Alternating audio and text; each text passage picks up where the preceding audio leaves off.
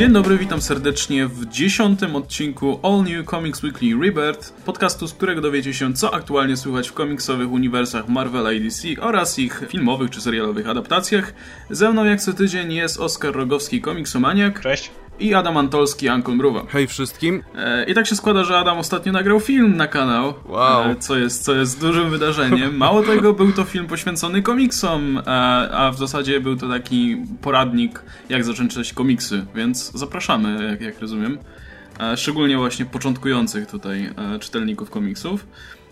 No jeśli prywatę mamy odhaczoną, to możemy przejść do jednej z tysięcy newsów, jakie mamy w tym odcinku, bo tak się złożyło, że przede wszystkim Warner Bros. nas tutaj zasypało, może nie tyle samo Warner Bros., ale generalnie newsy poświęcone Justice League e, nas tutaj nieźle zasypały w tym tygodniu. Mamy sporo informacji dotyczących zarówno tego filmu, jak i innych e, dotyczących powiedzmy uniwersum filmowego DC, więc przejdźmy do tego. Zacznijmy może w takim razie, ja może zacznę, potem przekażę tutaj pałeczkę wam. Zacznijmy może od tego, co mówił Zack Snyder, bo on chyba podzielił się tutaj na najbardziej istotnymi informacjami. Pominę może właśnie tę jego dziwną wypowiedź, gdzie tłumaczył, że wcale nie ma żadnej presji ze strony Warner Bros. na, na jego pracę, e, bo myślę, że tutaj doskonale widać, że presja jest i ruchy ze strony Warner Bros. są tutaj bardzo wyraźne, ale to sobie pomijmy. W każdym razie to, co najciekawsze według mnie, to to, że Zack Snyder stwierdził, że e, Justice League będzie bardzo inspirowane e, i też scenarzysta te, też ma to na uwadze, będzie bardzo inspirowane e, pracami Jacka Kirby'ego, czyli oczywiście tym całym czwartym światem, tak, nowymi bogami mhm. i tak dalej. No i mieliśmy taki mały, powiedzmy, sygnał odnośnie tego przy okazji Batman v Superman, czyli tę wyciętą scenę, gdzie się pojawia najprawdopodobniej Steppenwolf, i Steppenwolf jest jednym z generałów Darkseida oczywiście i będzie najprawdopodobniej, to już staje się potwierdzono, e, głównym wylanem e, właśnie w filmie Justice League. Poza tym pojawiają się jeszcze te małe komputery Motherboxy, nie? Te, te takie tak. kostki, które też były zdaje się w tej scenie wycięte, więc to się składa w jedną całość. No i co najważniejsze, mm, e, zarówno Snyder, jak i tam zdaje się inne osoby pracujące przy filmie potwierdziły, że film będzie lżejszy, że będzie bardziej powiedzmy inkluzywny o, w tym sensie, że powiedzmy większej ilości osób ma, będzie miał szansę się spodobać, nie tylko tym, którzy lubią mrok i deszcz i smutek i tak dalej. Ale szczerze mówiąc mi już trochę entuzjazm opadł, jeśli chodzi o cokolwiek związanego z tym uniwersum, jeśli Zack Snyder i cała ta ekipa jest jeszcze związana z tworzeniem tego. Ja Także co sądzicie o tym newsie? Wierzę jak zobaczę, jeśli chodzi o Snydera i jego lżejsze podejście. E, no, natomiast jeśli chodzi, chciałem wrócić do samych tych ruchów i tego, że nie, nie ma żadnej presji. Sam fakt, że cała masa dziennikarzy pojechała na plan y, Justice League, to nie jest w żaden sposób dziwne. Często są zapraszania na plan różnych filmów, tylko że y, zwykle jakby dostajemy jakokolwiek sprawozdania z tych, tego, co tam było na tym planie, trzy miesiące przed filmem, cztery miesiące przed filmem. Justice League jest chyba w październiku 2017, jeżeli dobrze pamiętam. Więc według mnie to już samo w sobie wygląda jak takie wielkie działanie marketingowe. Ej, y, tutaj, wiecie, interesujcie się tym filmem, będzie awesome, chcemy wam już teraz pokazać jak najwięcej możemy. Mam wrażenie, że to już teraz próbują działać z uwagi na Suicide Squad, który będzie wcześniej, chyba Wonder Woman będzie też przed Justice League, jeżeli się nie mylę. Więc to jest taka próba też, wydaje mi się, z, z takiego już teraz y, zmiany wizerunku trochę. I chociażby o tym lżejszym tonie mowa. Ogólnie, jeżeli mm, zobaczy się, jakie rzeczy tam wymieniano, co ma być w tym filmie, to jest y, jakby odpowiedlenie na prawie każdy zarzut postawiany dla, dla tego filmu. Akurat co do tonu, ja nie do końca się z tym zgadzam, bo to chyba są trochę błędnie wyciągane e, wnioski. To sam ton mi nie przeszkadzał, jakby cała masa innych rzeczy była w tym filmie nie, nie działała. Według mnie dało się zrobić mroczny i poważny film, no ale skoro uważają, że to nie zadziałało, to ok. No ale jest tam jeszcze mowa o tym, że na przykład zobaczymy, jak świetnym detektywem będzie Batman. To też było wielki zarzut. Batman był idiotą w tym filmie Batman v Superman. Nie widzieliśmy w żaden sposób, ale nie, tu zobaczymy, jak wielkim jest de de de detektywem na przykład. Czy będziemy widzieli jakoś tam, nawet chyba wrzucili opis jego rozmowy z Flashem, że będą mieli taką doskonałą relację między sobą, bo tutaj znowu zarzucano, że między Batmanem a Supermanem przykład nie było w ogóle żadnej relacji zbudowanej. Więc mam wrażenie, że to jest takie póki co PR-owskie, PR-owska odpowiedź na właściwie wszelkie zarzuty do Batman v Superman. Co jest jak, w jakiś sposób korzystne, bo to znaczy, że jakoś nas słuchają i, i chcą na to odpowiedzieć. Pytanie, jak to wyjdzie w praniu. Ja mam taki problem z tonem, dlatego że w, w, tych wszystkich wypowiedziach cały czas mówi się o tonie, że Deborah Snyder powiedziała, że o, ludzie nie lubią widzieć swoich bohaterów w dekonstrukcji, czy coś w tym stylu. No, ja mam problem z takim podejściem, bo ton był najmniejszym problemem Batman v Superman dla mnie. E, nie wiem, wiecie, było tak z The Amazing Spider-Man. Pierwszy film był dosyć taki ciemny, mroczniejszy, bardziej realistyczny. E, nie przyjęło się to tak znowu fantastycznie, jak studio sądziło, więc drugi był radosny i był jeszcze gorszy. Ssał kompletnie. Więc nie jest problem z samym tonem, jest problem z tym, że scenariusz był beznadziejnie jak gdyby zrealizowany. Dlatego, że jak gdyby nic nie wiedziałeś o tych bohaterach i tylko obserwowałeś, jak się naparzają z wątpliwych jak gdyby powodów. Jeszcze A... przepraszam, ci przerwę, ale właśnie co do tonu. Nie sądzisz, że to jest takie trochę też wyciąganie pochopnych wniosków, jak wiele osób stwierdziło, że Deadpool się udał, bo miał kategorię R? Wydaje mi się, że to jest bardzo podobna sprawa, czyli że to się nie udało, bo miało ciężki ton, a to się nie udało, bo miało kategorię R, wiesz. Ludzie tak starają się bardzo taką powierzchowną nalepkę zrobić, że znaleźć taki jeden powód sukcesu albo porażki. Wydaje mi się, że to działa w ten sam sposób. No to jest wina tego, że jak gdyby studia hollywoodzkie działają w takim bardzo starym, staromodnie i yy, po prostu u góry szukają takich prostych rozwiązań, które mogłyby mogłyby uratować film i to myślę, że to się stało z tym tonem, że nie... Y, może studio uznało, że ludzie są zmęczeni mrokiem, czy coś w tym stylu. Podczas gdy, no, wiesz, y, Łukasz tutaj nie lubi Nolana i ja rozumiem jego powody, ale uważam, że te filmy były rewelacyjnie zrobione i miały świetnie napisany scenariusz i tak dalej. I miały ton dosyć podobny do Batman v Superman. I właściwie oglądając obok siebie Batman v Superman i Mrocznego Rycerza można naprawdę wiele rzeczy u Nolana docenić dodatkowo, przynajmniej ja tak miałem. No nie wiem, mnie to, mnie to troszeczkę niepokoi, że zwracają uwagę na pierdołę zamiast na istotne rzeczy. Ale z drugiej strony myślę, że to będzie ostatni film Zacka Snydera w tym uniwersum. E, znaczy, wiesz, jak dla mnie to jest po prostu kolejny dowód na to, że oni do końca nie kumają tego, co robią i właśnie wyciągają dosyć powierzchowne wnioski i z tym się zgodzę. Natomiast z drugiej strony e, wydaje mi się, że zmiana tonu jest, byłaby ok w kontekście tym, że to nie będzie już film o Batmanie jako takim, chciałbym, żeby fil kolejne filmy były jednak trochę bardziej zróżnicowane pod tym względem, bo do tej pory mieliśmy dwa filmy, które, z których jeden był poświęcony Supermanowi i drugi był poświęcony Batmanowi Supermanowi i oba miały dokładnie tę samą mroczną stylistykę, która nie do końca tutaj grała z całym scenariuszem i w ogóle postacią jako taką. Więc w tym kontekście w tym kontekście na papierze to wygląda ok, ale też nie sądzę właśnie, żeby ta zmiana wynikała z tego, że oni lepiej rozumieją teraz te postacie, tylko właśnie z jakichś tam e, odgórnych założeń, że o okej, okay, to teraz nie możemy robić mrocznego filmu, bo to się chyba nie sprzedaje. Widzisz, jedną z najfajniejszych rzeczy w relacji Batmana i Supermana w komiksach było to, że ich charaktery i sposób działania i wszystko bardzo się komplementowały. Jeden był, bar jeden był mózgiem operacji, jeden był mięśniami, jeden był, wiesz, wiecznie e, sceptyczny, pesymistyczny, drugi był napełniony nadzieją i tak dalej. E, filmach mieliśmy do tej pory Supermana, który był mroczny i Batmana, który był mroczniejszy. I to nie jest relacja, która w ten sam sposób działa, to jest kompletnie inna dynamika. I próbowali to jakoś przenieść, łącząc w to, elementy z powrotu Mrocznego Rycerza. Już mówiliśmy o tym filmie dość, nie chcę do tego wracać, ale dobrze by było, żeby film Liga Sprawiedliwości oddawał różnorodność świata DC. Batman może być mroczny, nie ma nic złego w mrocznym Batmanie, ta postać jakby na tym się opiera. Problemem są inni superbohaterowie, który, z których każdy ma jak gdyby swój własny gimmick czy swój własny nastrój.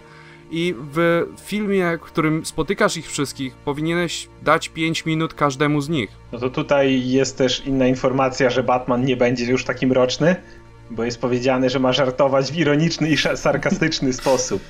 E, natomiast jeśli e, jeszcze chodzi o e, ten film, to mam wrażenie, że Snyder ma taką, nie wiem czy zauważyliście tendencję, za co był bardzo krytykowany, między innymi Man of Steel. Za to, że no Metropolis zostało rozpierdzielone i nikt się tym nie przejmował. Więc y, jaka była tutaj ważna, ważny element y, Batman v Superman? Pokażmy, jak wielko zniszczeniami było, wiecie, jak bardzo dotknęło ludzi to zniszczenie Metropolis, jak ludzie się tym przejmują, jakie to jest, chociaż ostatecznie nie pamiętam, żeby pokazać, żeby Superman się tym przejmował. No, to, jest, to jest to, jak tam po, w połowie filmu, znaczy pod, w tych ostatnich scenach y, pięć razy zaznaczali, że tutaj na pewno nie ma żadnych ludzi w okolicy, więc nikt tak, nie tak, nie martwcie tak, tak. się. Ale z drugiej strony miało chodzić o to, że Superman, ja nie pamiętam, żeby Batman v Superman było pokazane, że Superman jakoś strasznie się przejmował tym, że zostało zniszczone, ale nieważne, taka była zasada filmu. I teraz dostajemy z kolei wiadomość, że Batman będzie próbował odkupić swoje zachowanie z Batman v Superman. Ja tak widzę, nie wiem, Snyder, czy robiąc kolejne filmy, to zasadzie wiesz, okej, okay, to tu spierdoliłem, ale to nic, w następnym filmie bohater będzie próbował naprawić to, co spierdolił w tym filmie i w następnym znowu coś spierdoli i będzie próbował w następnym naprawić tamto. Na razie widzę taką linię tutaj. Natomiast też wydaje mi się, że to będzie ostatni film, bo Deborah Snyder zaznaczyła wyraźnie, że zaznaczyła wyraźnie, że ten film będzie jakby samodzielny. Tak jak mówiło się wcześniej, że to będzie, wiecie, Justice League Part 1 i Part 2 i to będą dwa jakoś tam powiązane. Teraz zupełnie się zmienia narracja, mówią, że to jest samodzielny film, który będzie stał na, na, na, własnych nogach, na razie bez jakiegoś sięgania do drugą część. Według mnie to jest potwierdzenie, bo już nad drugą częścią nie będziecie pracować po prostu. A jak wam się podoba samo to, że mm, będziemy tutaj, dostaniemy jakiś przynajmniej część tutaj tej całej mitologii nowych bogów i będziemy będziemy mieli Apokalips e, i, New Genesis prawdopodobnie, przynajmniej jakieś elementy te, te, tego całego uniwersum. Ja tego nie znoszę, ale nie dlatego, że nie lubię Fourth World, bo uwielbiam ten cały zakamarek uniwersum DC, tylko jestem przekonany, jestem przekonany, że oni to zrujnują. Nie ma siły, żeby to zrobili dobrze. Widziałem Steppenwolfa i wygląda jak e, ksenomorf w głupim... To Diablo. W głupiej czapeczce Diablo. Jak ksenomorf, który by cosplayował Diablo, tak okay. wyglądał. E, widziałem motherboxes, które też wyglądają kretyńsko. To powinny być po prostu, nie wiem, jak smartfony powinny wyglądać mniej więcej. Bo to ma być urządzenie, które się, wiesz, da używać normalnie. To jest superkomputer, który jest praktyczny i możesz go używać do wszystkiego. I jestem przekonany, że po prostu wszyscy, e, wszyscy nowi bogowie w wersji Zaka Snydera będą wszyscy brązowi. Będą Cały świat będzie brązowy.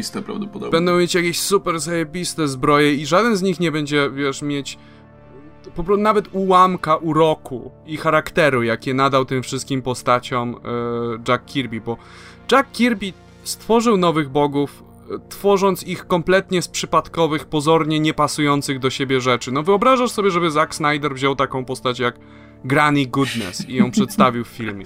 To będzie taka, taki potwór po prostu, wiesz. Nie, ja powiem ci, jak będzie wyglądać Granny Goodness w filmie i wspomnij, jako wielka ośmiornica. Okej. Okay czy coś w tym stylu. Jestem przekonany, no bo musi, wiesz, urealnić i nigdy nie będzie nazwana w ten sposób. Ja mam wrażenie jeszcze, a pewne obawy, że ta plotka, która wcześniej wyszła o tym, że zarówno mieszkańcy Atlantydy, jak i Temeskiry pochodzą w jakiś sposób od Supergirl.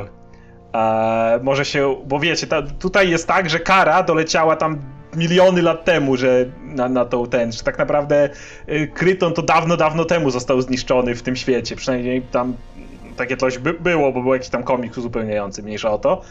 W każdym razie teraz, kiedy dowiadujemy się, że Motherboxy będą takimi Infinity Gems, czy coś takiego, wiesz, że one są na całej ziemi, jeden jest w Atlantydzie, jeden jest na Temeskirze, jeden jest wśród śmiertelników przetrzymywany i Darkseid ma ten, wiecie, one Motherbox to rule them all czy, czy, czy coś takiego. W każdym razie, no, dla mnie to tak dziwnie wygląda, jakby to wszystko było ze sobą powiązane, jakby oni próbowali robić, że oni są jakoś spokrewnieni wszyscy. Będzie jakieś, wiesz, o, to dzięki temu Motherboxowi żyjemy pod wodą i nasza kultura się roz... Nie wiem, po prostu mam takie dziwne wrażenie, że to jest jakieś, że próbują to na siłę, wiesz, połączyć, że one wszyscy są spokrewnieni. No, obym się mylił, obym się mylił, ale, ale póki co mi to tak wygląda to głupie i umniejsza jak gdyby ważność Wonder tak, Woman, dlatego Woman że sprowadza całą jej rasę do przypisu do Supermana. Że o, Amazonki pochodzą od Supergirl. No, fajnie. Tylko, że co to wnosi No, do kom? Kto tego chce? Mam, mam prawda? nadzieję, że to się kto- mylę, ale, ale nawet jeśli nie pochodzą, to znowu. No, powiedz mi, dlaczego bardzo ważnym elementem filmu, bo to jest, to jest fakt, to zostało podane, jest to, że trzy różne motherboxy znajdują się w trzech różnych kulturach. Dlaczego to w ogóle ma być istotne, a nawet najistotniejsze? To ma być ten, wiesz, obiekt poszukiwania bohaterów czy czegoś w filmie. Dlaczego? Ja nie potrafię sobie tego Ale wyobrazić. Bo- Ale Motherboxy to w ogóle O nie to mi powinien- chodzi. To nie jest materiał na taki McGuffin. to mi chodzi. bo Z tym, to, możesz, to możesz robić z, właśnie z Infinity Gems, które są rzadkie, jest ich ograniczona ilość, ale Motherbox jakby każdy z nowych bogów ma No jeden. dokładnie, więc dlaczego. I to są takie ich e, po prostu super kosmiczne iPhony. No więc dlaczego, dlaczego teraz i- to takie ważne musi być, że trzy różne kultury mają każda po jednym? No wydaje mi się, że chcą spróbować to jakoś połączyć, wiesz, miliony lat temu przyleciał jeden z nowych bogów na ziemię i nie wiem, zaczął trzy... cy- Nie wiem, wszystko cokolwiek o czym pomyślę, mi się głupie, po prostu nie widzę żadnego dobrego uzasadnienia dla tych motherboxów. Wiesz co, najgorsze jest to, że jak tak o tym opowiadasz, to brzmi jak Zack Snyder. Trochę Brzmi tak. jak coś, co on by wymyślał i po sobie, wiesz, i myślał na tym, wow, jak świetnie, wszystko jest połączone. Ale tak to wygląda. I, i, I Batmana skgwałcili w więzieniu wtedy. Ale dokładnie tak to Ale wszystko wygląda. będzie teraz jaśniejsze i w kolorach, więc będzie spoko. No E, super. Czy coś jeszcze odnośnie samej Justice League Tak, tam zostało? wiemy już i- kim Willem Dafoe będzie w tym filmie. A, tak, tak, tak. Ale to odnośnie Aquamana, tak? Znaczy A- on będzie już w Justice League chyba. Aha, już będzie przedstawiony. No tak, no to tam będzie. poz- Zdaje się, że sam film będzie opowiadał o tym, że Batman zbiera członków drużyny, e, więc pewnie poznamy przynajmniej trochę więcej e, informacji o każdym z członków niż, niż Batman i Superman na pewno. E, no i właśnie, jed, jedną z postaci będzie Willem Dafoe, który gra w Vulko. Który jest postacią właśnie związaną z Aquamanem, ale powiem szczerze, że, że, że tutaj nie, nie jestem za bardzo ekspertem, więc może. Jest naukowcem, na, jest naukowcem na, Atlanty, na Atlantydzie, Fulko. Tyle pamiętam. Pojawia się kilka razy w komiksach.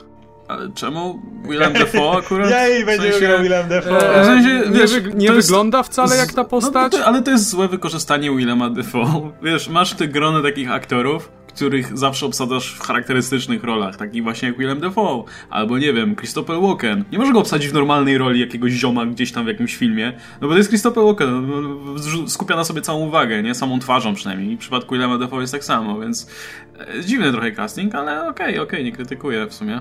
Wiesz, kogo by mógł grać Willem Dafoe i byłby świetny? No. Steppenwolfa O, no, właśnie. no, no. No jak potem co W tym hełmie i tak No. dalej, jakby, wiesz, dowodził armiami i manipulował wszystkimi, to by było Wiesz, naprawdę kogo świetne. mógłby grać Willem Dafoe Ale i nie, byłby świetny? Vulko. Granny Goodness. Kogokolwiek.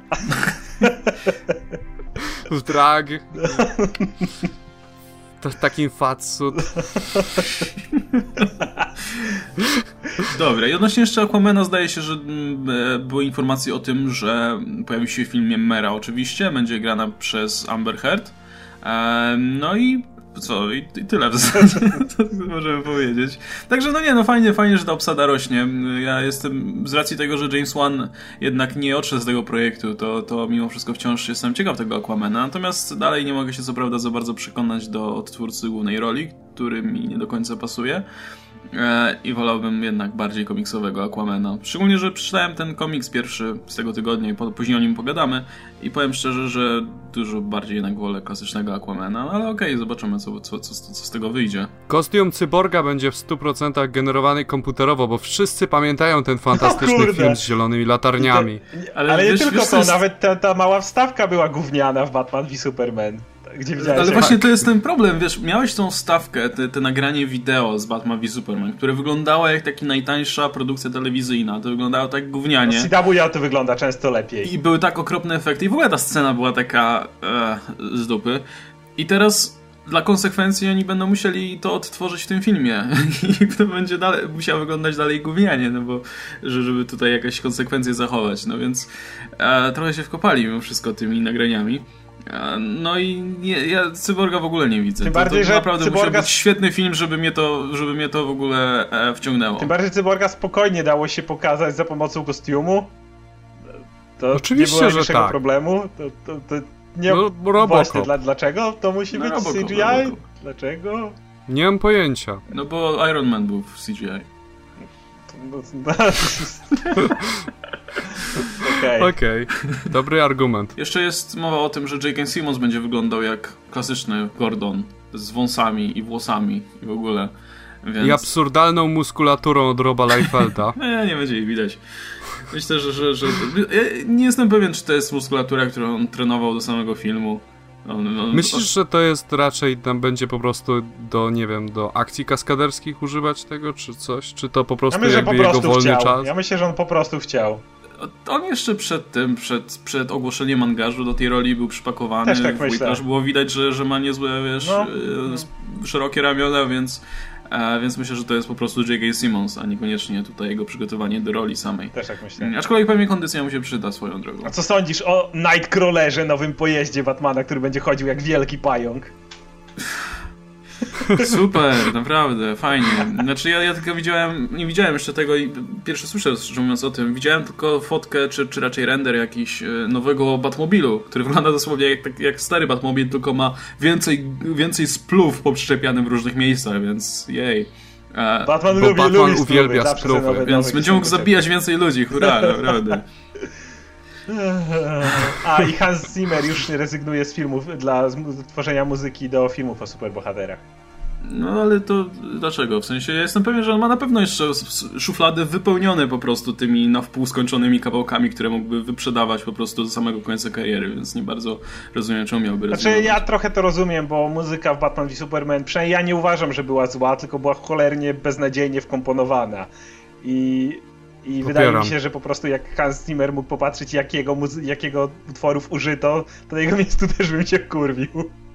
Stwierdził, że dobra, taką robotę to ja pierdolę. Bo ja nie uważam, że, że ta muzyka była zła, tylko po prostu no wielkie fanfary do Batmana stojącego na dźwigu, no to No nadużywali w ogóle tych, e, tego traku Batmana, bo to był jak zdaje się jeden czy dwa utwory i o, za każdym razem kiedy Batman się pojawia to jest taki wielki dun dun, jakby coś się wielkiego działo, a Batman po prostu sobie dokładnie. stoi. Więc jakby nie dziwię się na, na jego miejscu, też, też bym się wkurwił. Znaczy ja ogólnie jestem zdania, że Hans Zimmer to się skończył na Kill Em All, więc e, jestem w sumie za, bo, bo, bo Junkie XL robił całką fajną muzykę do Mad Maxa chociażby, także e, no także chętnie, chętnie posłucham.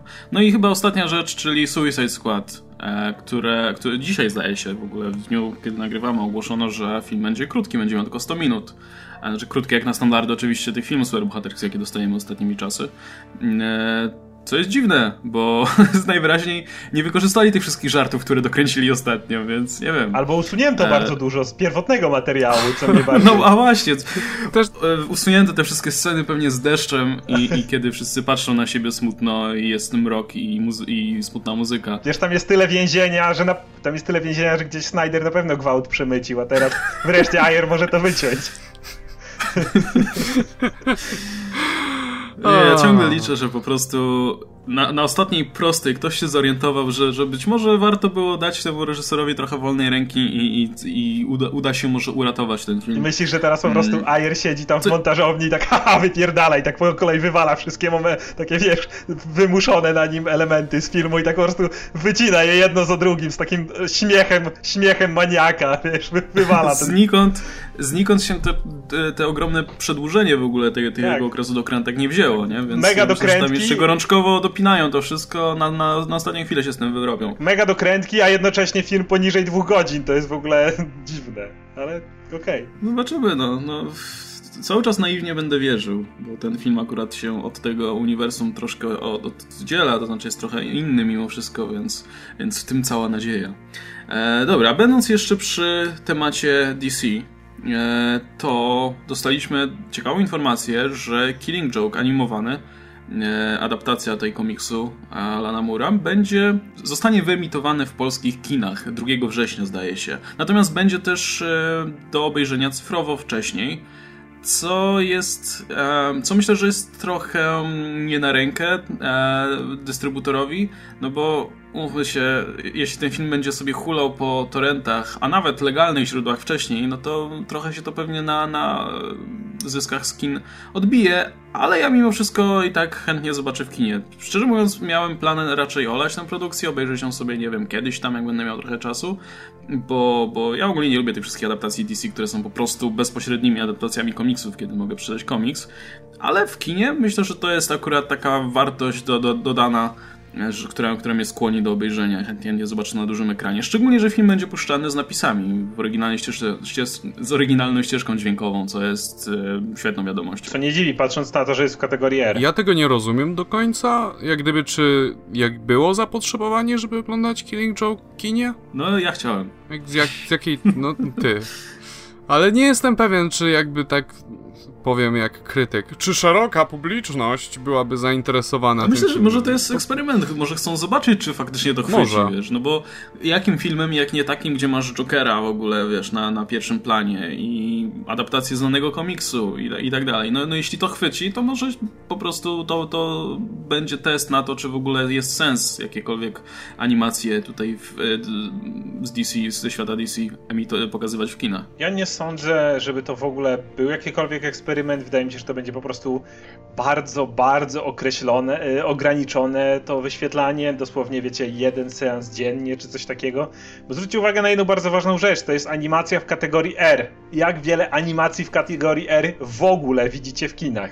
Będzie teraz te, to coś z Tetarogena z Sausage Party, a wcześniej nie potrafię sobie przypomnieć ostatniej.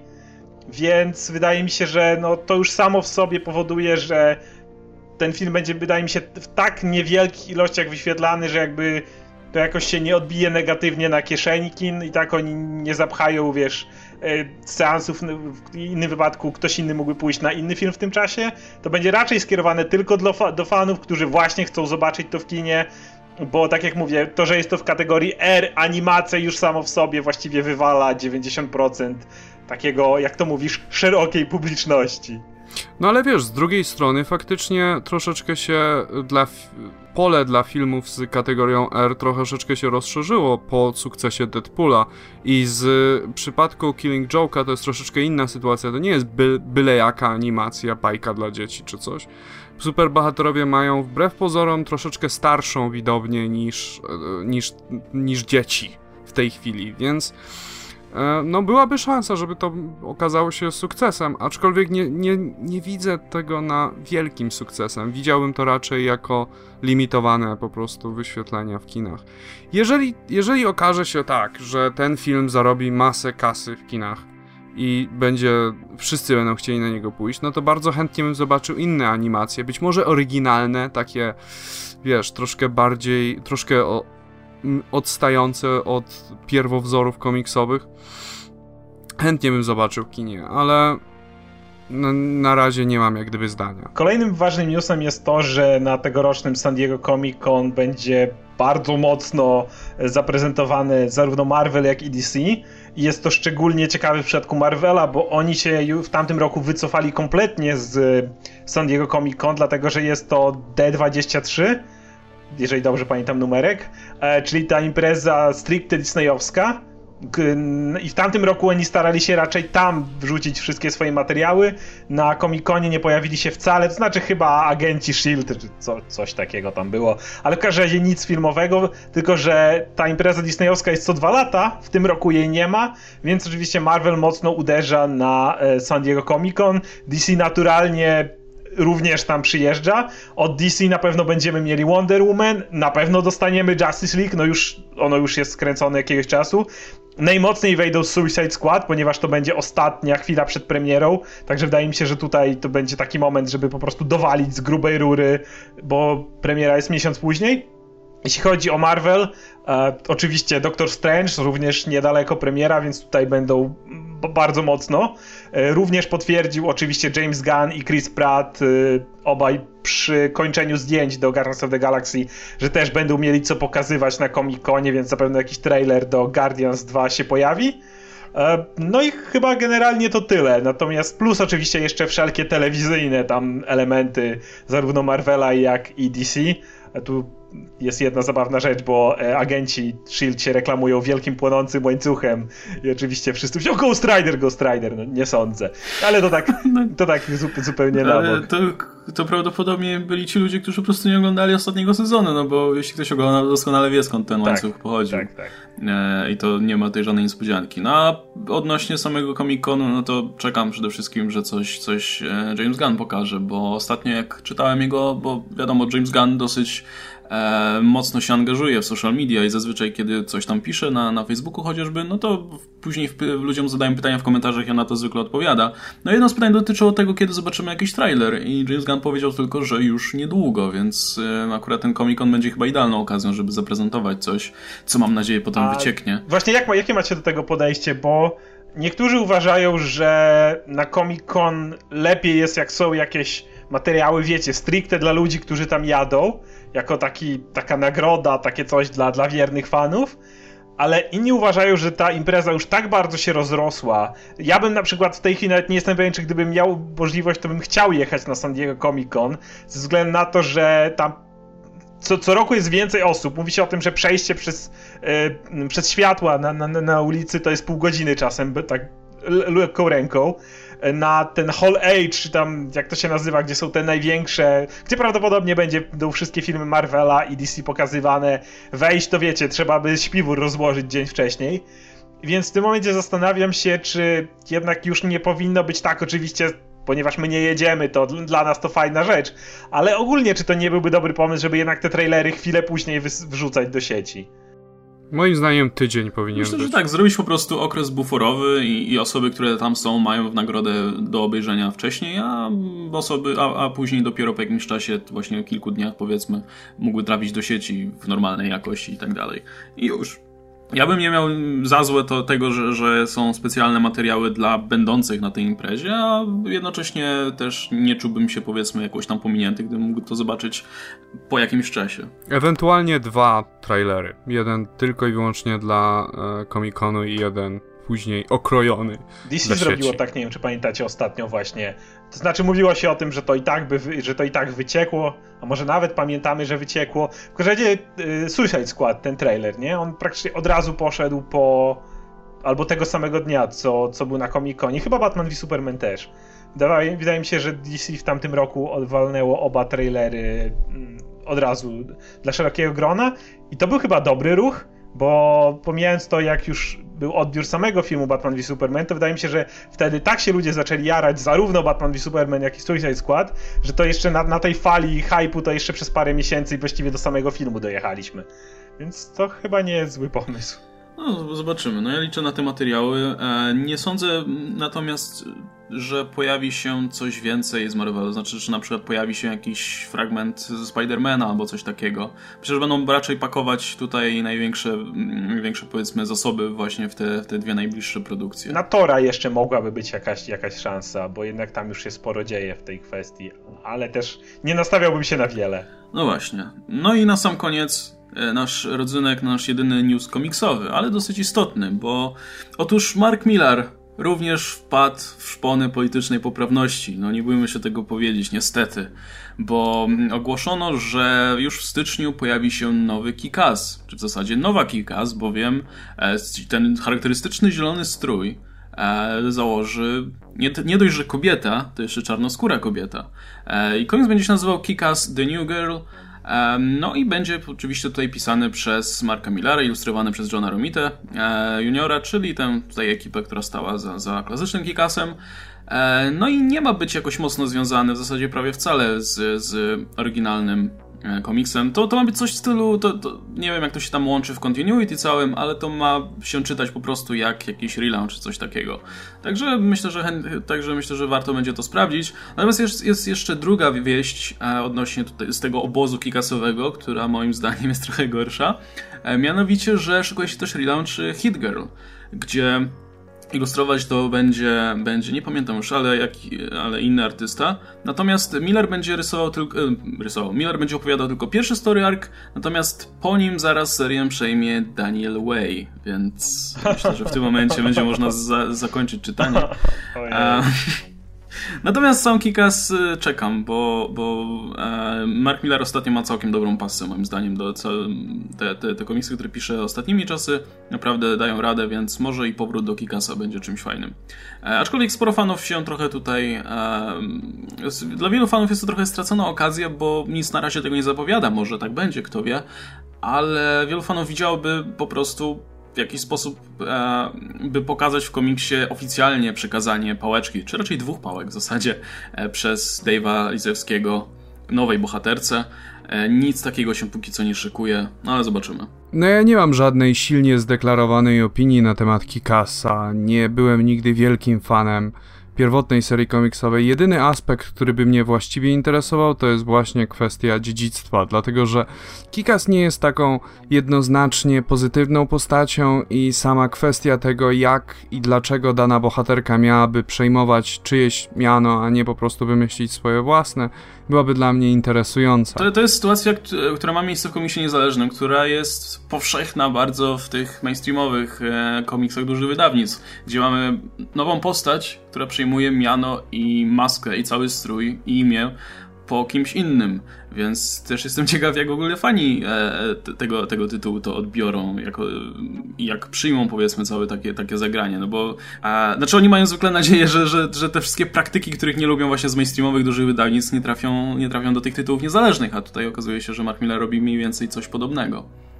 No i jeszcze jedyna, jeszcze ciekawa rzecz z tym związana to to, że będzie to ongoing, e, bo do tej pory Kikas były miniseriami. Tu będziemy mieli po prostu typowy ongoing.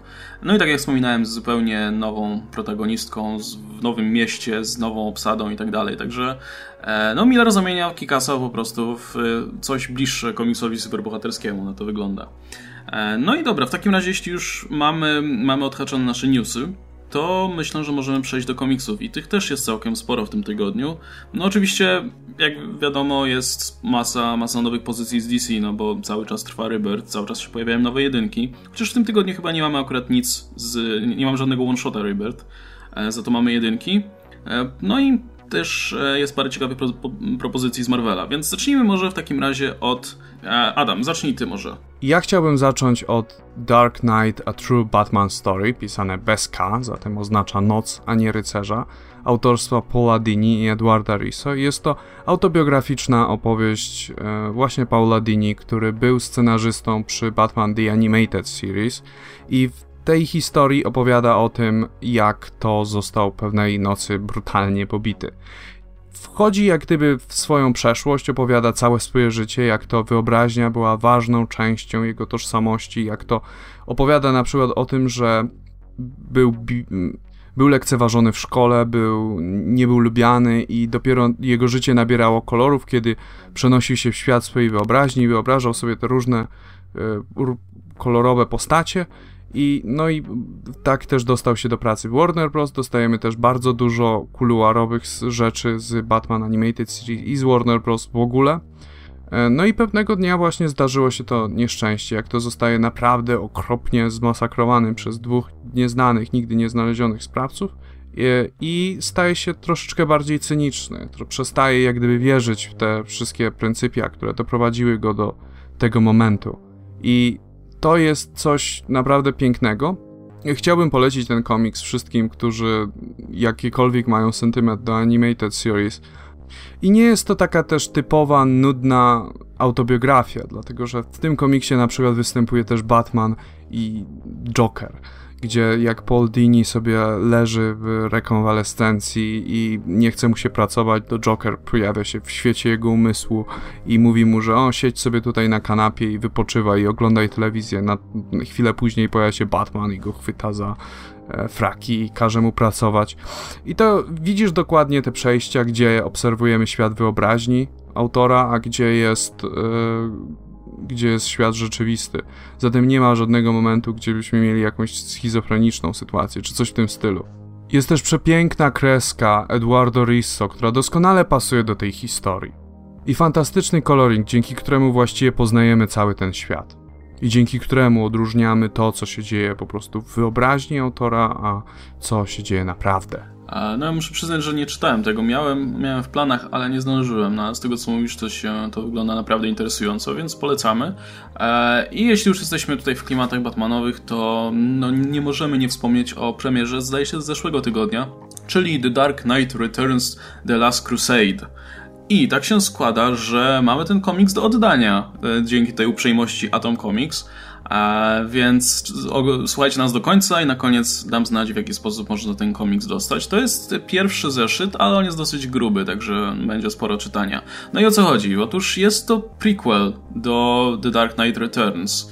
E, jest pisany przez Franka, Franka Millera, tak, i Briana Azarello, ilustrowany przez wspomnianego już wcześniej Johna Romita Jr.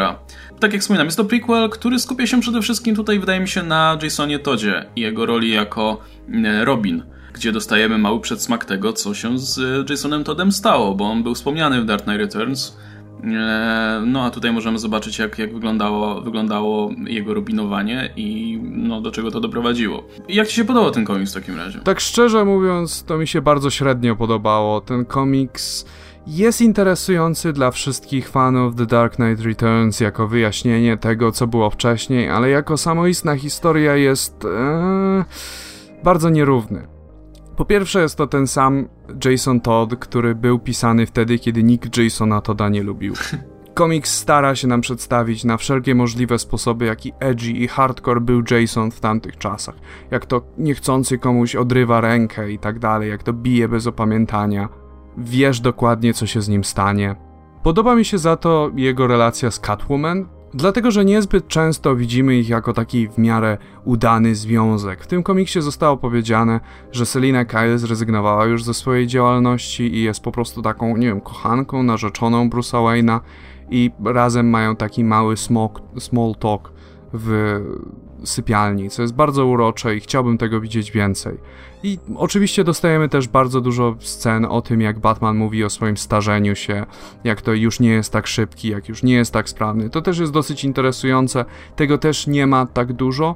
Joker też na mnie nie zrobił szczególnego wrażenia, dlatego że jest to Kolejna sytuacja, w której to klaunik książę zbrodni zostaje wepchnięty do więzienia i tam manipuluje wszystkich tak, że okręcają się dookoła jego palca tak naprawdę, jeśli chodzi o ten komiks, to jest bardzo wtórny i to było troszeczkę dla mnie rozczarowanie. No i to jest ten, to jest ten Joker oczywiście z Millerversu, czyli taki bardziej stylowy i mniej szalony, tylko bardziej psychopatyczny, czyli coś, co myślę, co Jared Leto trochę celuje w Suicide Squad. O nie, wydaje mi się, że Jared Leto celuje bardziej w Jokera Morrisona. Możliwe, ale Taki w sensie... Joker, który każdego dnia budzi się z nieco inną osobowością i jednego dnia jest kompletnie nieszkodliwym klaunem, a drugiego jest jest psychopatą, który zamorduje wszystkich, których widzi. Możliwe. To znaczy, właśnie ten, ten, Joker od, ten Joker od Millera zawsze mi się wydawał taką gwiazdą roka trochę i może dlatego po prostu e, pod, pod, pod, podpinam, tego te, podpinam pod to też właśnie interpretację Leto, której co prawda jeszcze nie widziałem, ale tak tylko oceniam na razie. No wiesz, w każdym razie tego Jokera faktycznie jest sporo i w ogóle lubisz tę interpretację Jokera tutejszą? Lubię te relacje, ale głównie w kontekście The Dark Knight Returns, gdzie Musimy pamiętać o tym, że ten Joker jest częścią większego Millerverse, do którego należą dobre i złe komiksy, no bo All Star Batman and Robin, Year One, The Dark Knight Returns i wszystkie komiksy powiązane. I w pierwszej historii, Dark Knight Returns, ta postać działa fantastycznie. Miller wprowadza taką dynamikę, że Joker jest praktycznie zakochany czy seksualnie sfrustrowany na punkcie Batmana, także są od siebie jak gdyby uzależnieni, mają takie małe yin i yang między sobą, ale we wszystkich innych wersjach to wygląda naprawdę dziwnie. Jeszcze najgorzej to było w All Star Batman Robin, no tak. gdzie Joker w ogóle się nigdy nie uśmiechał i cały czas był smutny. Tutaj to jest po prostu Joker, nie jest to szczególnie nie wyróżnia się szczególnie od pozostałych wersji, takiej bardziej mainstreamowej, którą widzimy jak gdyby bardzo często w komiksach. No, także ja się mniej więcej zgadzam. Też, no nie powiem, żeby to był zły komiks na pewno, ale, ale nie był specjalnie ekscytujący i, i w, sumie, w sumie działa tylko i wyłącznie jako prequel, właśnie jako pokazanie nam, odsłonięcie losów e, tych postaci przed kultowym Dark Knight Returns. Ale właśnie z tego względu, jeśli ktoś jest oczywiście fanem tutaj oryginału Millera, to, to myślę, że e, warto wtedy sprawdzić. E, no i tak jak wspominałem, na koniec dam znać, co zrobić, żeby ten komiks otrzymać. Oczywiście w wersji tutaj drukowanej, takiej, takiej formie małej książeczki w zasadzie, bo ten komiks jest na tyle gruby, że, e, no, że, że jest tutaj sporo rzeczy do, do czytania. No. Jedno, co mi się nie podobało w tym komiksie, to kreska, dlatego że to rysował Romita okay. i nie niestety wszyscy mają ryje takie, jak to Romita zazwyczaj rysuje. Tak, y, czyli wszyscy mają wielkie usta, takie bardzo nabrzmiałe. Wszyscy mają strasznie niskie czoła, to wygląda strasznie dziwnie. Wszyscy mają, wszyscy są tak cieniowani w stylu Romity, dużo jest po prostu miliard kresek na każdym panelu, więc jeśli ktoś tutaj styl Romity nie, nie fanuje, powiedzmy stylu Romity, to, to też będzie mu ciężko czytać ten komiks, tak jak trochę mi mimo wszystko. Aczkolwiek to nie jest, to nie jest jeszcze ten Romita, który mi irytuje, więc nie wiem, czy to jest kwestia może nakładających tusz, ale i tak jest ciężkawo. Myślę, że na przykład Kubert robi dużo lepszą robotę w Master Race. Jedno, co mogę z całą pewnością pochwalić w tym komiksie, to kreska, która jest puszczona takimi ciężkimi, grubymi liniami i to bardzo przypomina pierwotną historię The Dark Knight Returns. Podoba mi się też coloring, który również jest płaski i utrzymany w tym samym klimacie. Także to tyle, jeśli chodzi o ten komiks i przejdźmy sobie w takim razie dla urozmaicenia do konkurencji. Oskar, twoja kolej. Dobra, to trzeba to niestety odbędzić. Captain America Sam Wilson numer 10. Przy całej mojej e, sympatii do, do Nika Spencera i już jakiś czas temu, parę odcinków temu kłóciliśmy się o... No, dyskutowaliśmy na, co do tego, jak to niby wsadzał słowa Donalda Trumpa dla Red Scala i jak to jest zbliżone. Różne tego typu e, rzeczy związane z, jak powiedzmy, e, politycznym aspektem komiksów. E, no i o tyle, co wtedy ja i, e, i Cabot uważaliśmy, że nam to nie przeszkadza, że jakoś nam to pasuje. Adam mówił, że no niekoniecznie. Tak tutaj e, dzieje się coś dużo gorszego, dużo dziwniejszego, dużo bardziej bezsensownego. Mianowicie, jak może wiecie, w Civil War 2 na samym początku praktycznie całego eventu zginął Rhodey. War Machine za, w walce z Thanosem zginął. I jest jego pogrzeb. Tuż przed pogrzebem spotykają się wszyscy, a tak naprawdę nie wszyscy, ale wszyscy, których szybko udało się chyba Spencerowi tam dopisać, e, przedstawiciele czarnoskórego środowiska superbohaterów i problem jest taki, że takie środowisko jako takie nie istnieje. To znaczy ci bohaterowie nie mają ze sobą proszę nic wspólnego poza kolorem skóry. To nie jest tak, że oni się spotykali jakiś czas temu, walczyli o prawa czarnoskórych czy cokolwiek w tym rodzaju. Po prostu się spotykają, bo zginął Rowdy, który również jest czarnoskóry i mówią, jak to jeden z nich, jeden z rodziny umarł, jak tu brakuje Blade'a, jeszcze tylko i w ogóle to było tak dziwnie napisane, tak, tak, tak miałem wrażenie, dlaczego? Dlaczego oni się spotykają? Dlaczego to jest ważne, żeby pokazać, że akurat umarł Rowdy, który jest czarnoskóry? Dlaczego nie, nie wiem, to nie byli przedstawiciele, którzy, którzy również byli, nie wiem, wojskowymi na przykład, albo cokolwiek innego, nie wiem. Tak mi się to nie podobało. W ogóle cały ten komiks jest taki przepełniony nie wiem jak to, jak to powiedzieć, jak to bardzo podkreślone było, że Rhodey był kiedyś Iron Manem, ale nie mówił już nikomu, że jest Iron Manem, dlatego że, że się bał, że powiedzieć, że jest czarnoskórym Iron Manem. Nie wiem, tak mnie, tak mnie komiks raził. O tyle co lubię Spencera, to ten komiks był tragiczny po prostu, fatalny. Jest dość oczywiste, że Nick Spencer używa komiksów jako platformy do prezentowania swoich poglądów politycznych. I w tym nie byłoby nic złego, gdyby nie pisał to tak topornie, zarówno w jedynce Kapitana Ameryki Sama Wilsona, jak i w jedynce Steve'a Rogersa. No, moim zdaniem przesyłał swoje, sygnałował swoje poglądy w taki bardzo toporny, bardzo prostacki sposób.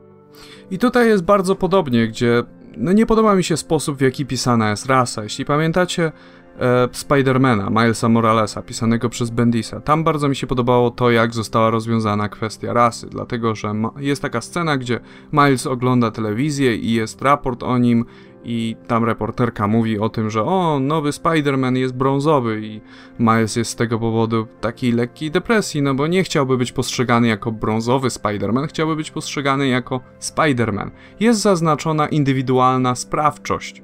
Jest zaznaczone to, że chce być superbohaterem przez swoje czyny, a nie przez jakieś arbitralne cechy, które są przez niego niezależne.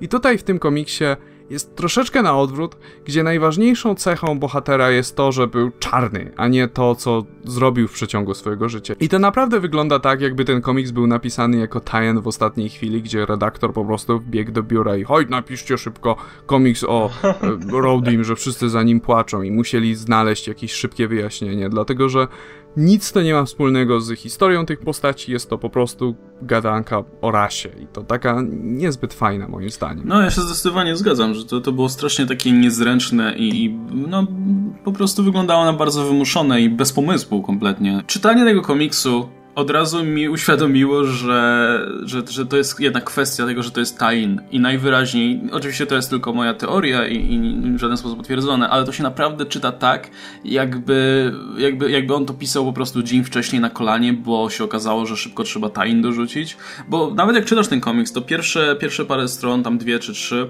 czy, czy zdaje się, że dwie, to jest, e, no to jest jakiś tam recap, narracja sama która jest bardzo taka w tonie poprzednich zeszytów. E, mamy ten motyw z Americops, który mi się podoba, bo to jest właśnie to, co u Spencera lubię, kiedy bierze jakiś temat społeczny i łączy go z takimi komiksowymi absurdami, no bo mamy tych takich uzbrojonych po zęby w ogóle koksów, którzy tam e, atakują, e, atakują powiedzmy czarnoskórych e, ludzi na ulicach i tak dalej.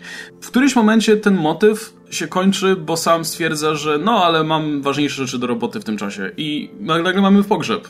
Od tak, gdzie nagle dostajemy tych wszystkich czarnoskórych bohaterów, bo tak, bo oni nigdy wcześniej, tak jak Oskar mówił, nigdy wcześniej ze sobą jakoś tam nie byli blisko ze sobą. E, no i, i sam wygłasza tę bardzo niezręczną mowę o tym, że Rowdy był kiedyś Iron Manem. I to brzmi tak, jakby to była największa zasługa Rodiego w jego w ogóle całej karierze tak. superbohatera, co jest strasznie smutne. Znaczy ja rozumiem, co Spencer chciał zrobić, w sensie on, on pisze tutaj tego, znaczy on ustami tutaj sama mówi o Rodim trochę tak, jak mówi o samie jako scenarzysta, to znaczy mm, chce pokazać powiedzmy to, że to był czarnoskóry bohater, czarnoskóry Iron Man i w jaki sposób środowisko na to reagowało, ale to jest tak niezręczne i tak po prostu nieobudowane w nic. W przypadku sama ma, masz przynajmniej ten kilka komiksów, które w jakiś sposób mogły tę całą sytuację nakreślić. Tutaj to się odbywa w, w zasadzie tylko w formie mowy jednego bohatera. Więc to kompletnie nie gra niestety. I mówię, to wygląda tak po prostu, jakby, jakby to było narzucone z góry. Hej, róbmy tain do Civil War 2 i Rhodey zginął, więc napisz coś o tym. Ale czemu ja? No bo Sam Wilson też jest czarnoskóry, więc wymyśl coś. No tak to się czytało. Nie ciężko mi powiedzieć oczywiście, czy to, czy to jest, czy faktycznie tak było, czy, czy po prostu Nick Spencer nagle dostał, nie wiem, zaśmienia umysłu i napisał taki bullshit po prostu sam z siebie, co też jest możliwe. No ale kolejny powód tylko na to, żeby czekać aż Civil War 2 się skończy i będę mógł wrócić do czytania jednego z moich ulubionych komiksów i ten zabawny cliffhanger z Rage'em, tak? Rage, tak. the, new, the, new, the New Warriors. Tak, świadczy o tym, że być może... jest jedynym członkiem The New Warriors, o którym dzisiaj powiemy. w każdym razie ten cliffhanger trochę tutaj e, daje mi nadziei na to, że być może wrócimy do tego, co lubiłem w tej serii, a nie, a nie, a nie, e, nie będziemy się zajmować niezręcznymi mowami o bohaterach, których no którzy powiedzmy aż tak nas nie interesują, bo Tutaj jeszcze... to by jednak wymagało naprawdę dużo skilla u scenarzysty, żeby pokazać nam Rodiego tak, żeby, że, że, żebyśmy napra żeby naprawdę nam było żal w tym momencie, że umarł. Niestety, no nie wyszło. Tutaj jeszcze ciekawostka, to tak jak mówisz, wyglądało dosłownie jakby on to robił na ostatnią chwilę, bo wrzucił tam do, do tego pokoju czarnoskórych bohaterów i mówił, o, brakuje jeszcze Blade'a. Ja chwilę później czytałem komiks Ultimate, który też jest tainem do Civil War i też jest słaby, chociaż wcześniej lubiłem tą serię, no ale jest jak jest. I przypomniałem sobie, że jest przecież Black Marvel, e, Blue Marvel, który jest bardzo ważną postacią, jeśli chodzi o czarnoskórych, bo on jest w obecnym kanonie Marvela pierwszym czarnoskórym bohaterem, który musiał zrezygnować z bycia amerykańskim Supermanem w latach 50. właśnie dlatego, że był czarnoskóry. No bo były wtedy zupełnie inne nastroje polityczne, społeczne i tak dalej. I jakby to była bardzo ważna część historii tej postaci ale Spencer zapomniał go wymienić w pokoju postaci, które spotkały się tylko dlatego, że są czarnoskóre. Więc... Zajęty czymś. No, Dlatego, że Blue Marvel musiałby natychmiast zabrać centralne miejsce Samowi Wilsonowi. Co by miało sens. Co by miało sens. I odnoszę wrażenie, że Nick Spencer chciał desperacko zachować to miejsce dla niego. No tak, dlatego, tak. że komiks nazywa się Captain America Sam Wilson. Ale... I głupio by było, gdyby centralnym bohaterem tego komiksu był ktoś inny. Ale to byłoby też ciekawe, gdyby Blue Marvel powiedział, że czasy się zmieniły, że fajnie, że mamy właśnie... Yy że tak, Rhodey był już taką postacią, że był rozpoznawalny, że był jakiś tam bohaterem w społeczeństwie superbohaterów, w przeciwieństwie do tego, kiedy on był bohaterem. To by miało dużo większy sens niż zbierzmy grupę w żaden sposób niepołączonych, niepowiązanych z sobą bohaterów poza kolorem skóry, wystawmy sama i, i zapomnijmy o Blue Marvelu, który ostatnio pełnił bardzo prominentną rolę. Zresztą on był tam w starciu z Thanosem, żeby nie było. Blue Marvel brał udział w walce z Thanosem, w której zginął Rhodey. Wśród tych bohaterów jest choćby Monika Rambo, e, Ram, Rambe, czyli Spectrum, która, która też brała udział w tej walce, też jest w Ultimates. Czemu ona I tutaj ma jest... z nimi jeszcze ma romans z Blue Marvelem, więc... Ale wiesz, nawet, nawet nie mówiąc o tym, że jeśli serio Marvel chciał poświęcić jeden zeszyt na pogrzeb Rodiego, bo tak wypada, no to powinno się to odbyć w zeszycie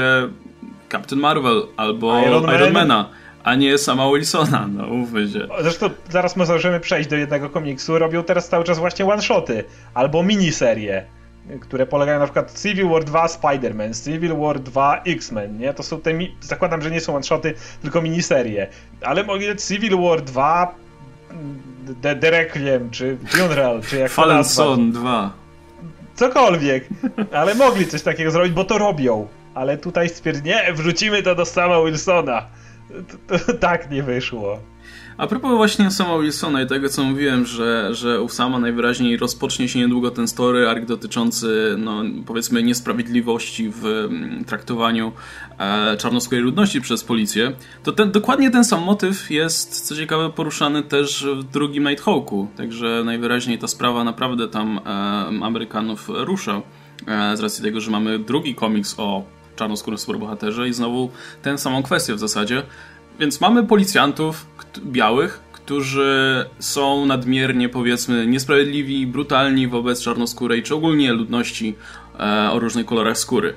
E, no i znowu mamy złoczyńcę, który zajmuje się, mm, powiedzmy, oddawaniem przysługi, czyli generalnie morduje tych policjantów i, e, no i działa w ten sposób, powiedzmy, odpłacając się tutaj pięknym za nadobne.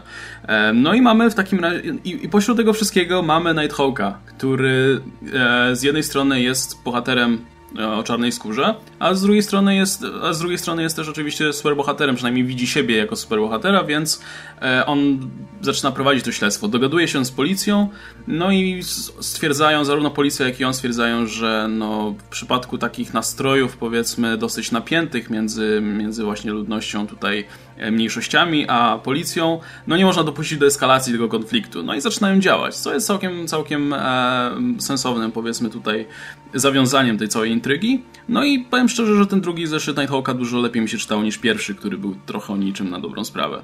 Także, także jeśli, kto, jeśli kogoś te tematy, powiedzmy, społeczno-polityczne, które są poruszane w, w samej Wilsonie, a które ostatnio musiały ustąpić miejsca temu pogrzebowi, e, interesują, no to, no to proponuję wówczas zajrzeć do Nighthawka. No i dobra, jeśli już jesteśmy przy tym Civil War 2, to omówmy jeszcze krótko ten no, to, to będzie jakaś miniseria, nie? Sam cztery czy trzy zeszyty mam mieć. Tak wygląda. E, Civil War 2 Choosing Sides którym się zainteresowałem, który ma być po prostu zbiorem jakichś tam krótkich, ma być antologią krótkich historii. E, no i, no i zainteresowałem się tym głównie dlatego, że jedną z tych historii pisze i rysuje Declan Shalvey, który jest jeden z moich ulubionych w ogóle artystów w komiksach w ogóle. On e, ilustrował choćby pierwszy, pierwszy story arc w Moon Knightie, teraz ilustruje dla Image Injection, wcześniej robił tam... Good, Bad and Ugly, które niedługo Tak, wyjdzie. tak właśnie. Good, Bad and Ugly w Deadpoolu ilustrował, zresztą też bardzo dobrze. On często, często jest w parze tutaj z kolorystką Jordi Belair, no i moim zdaniem tworzą naprawdę fajny duet. No więc podjarałem się, że będzie to historia nie tylko ilustrowana i tworzona przez tego twórcę, tworzona przez twórcę swoją drogą, e, ale też będzie dotyczyła Nika Fury'ego Juniora, który powiedzmy sobie szczerze, on tam zawsze gdzieś jest w uniwersum Marvela, ale nigdy powiedzmy na pierwszym planie, znaczy nigdy, od dawna na pierwszym planie nie był. Po prostu gdzieś tam jest w S.H.I.E.L.D., no bo już go wymyślili, to go tam pokazują, że coś robi w S.H.I.E.L.D. No i zabrałem się za czytanie i pierwsze moje rozczarowanie dotyczyło tego, że Cóż, ten komiks jest cholernie brzydki i tak jak mówię, jestem ogromnym fanem Shalveya, ale, ale tutaj te rysunki wyglądają po prostu jak na bazgrane na kolanie, bez po prostu tak na odwal się, bez jakichkolwiek szczegółów, dbałości o cokolwiek. Wygląda strasznie tak a, prosto, bardzo prosto. Nie mam pojęcia, co się stało i, i czy po prostu terminy goniły tutaj e, ale wygląda to strasznie. A po drugie, sam komiks jest dosyć słaby, jest kiepsko napisany. To wygląda tak, jakby, jakby Shalvi obejrzał niedawno Kapitana Amerykę Zimowego Żołnierza i stwierdził, ale fajny twist, jak Kapitan Ameryka jest w tej siedzibie S.H.I.E.L.D. i nagle wszyscy się zwracają przeciwko niemu. Ale było napięcie wtedy, więc ja zrobię dokładnie to samo w tym komiksie, więc mamy Nika Fury'ego, który leci sobie jakimś samolotem z agentami S.H.I.E.L.D. Wcześniej zwraca uwagę, że są dziwnie młodzi oni wszyscy. A potem nagle, o, wszyscy go atakują i się okazuje, że to było ustawione i po prostu widziałem to w filmie, więc no... Ale wielkim twistem jest to, że to nie jest Hydra, tylko coś innego. Tak, tak. No generalnie zero napięcia, zero w ogóle jakiegokolwiek tutaj ekscytacji tym tytułem, także... No, słabo to wypadło. Ale są też dwie inne historyki, które powiem szczerze, że niespecjalnie mnie zainteresowały, więc tylko przekartkowałem dalej, ale to rozumiem, oddaję ci, oddaję głos tobie, Oskar, w takim razie. Tak, bo zgodzę się, ta o Niku Fury była fatalna, ale dwie kolejne już były niezłe. Druga opowiada o postaci, która nazywa się Night Thrasher, pewnie mało kto ją kojarzy. To był lider i założyciel drużyny The New Warriors, do której należał również Rage, o którym wspomnieliśmy, pojawił się na końcu sama Wilsona, więc The New Warriors powracają, może, może jeszcze jeden powróci. No ale w każdym razie e, Night Thrasher to jest taki Batman, jeden z wielu Batmanów stworzony dla Marvela. Gość wiadomo bogaty, rodziców mu zabili, teraz mści się na zbrodni i ma gadżety. Tylko on był takim typowo, chcieli zrobić z niego takiego typowo taki uliczny Batman, taki, taki naprawdę, wiecie, mega uliczny Batman. On jeździł w latach 90. na deskorolce, miał, tak, dosłownie, miał, miał, miał taki, taki kostium, który wyglądał jak, tam nie miał żadnych gadżetów, była taka zbroja pseudo, ale taka, taka, wiecie, ki, pałkami nawalał ludzi. Generalnie był taki, no taki uliczny Batman, mimo tego, że był bardzo bogaty. No i teraz on powraca, bo nie było go w komiksach od bardzo dawna.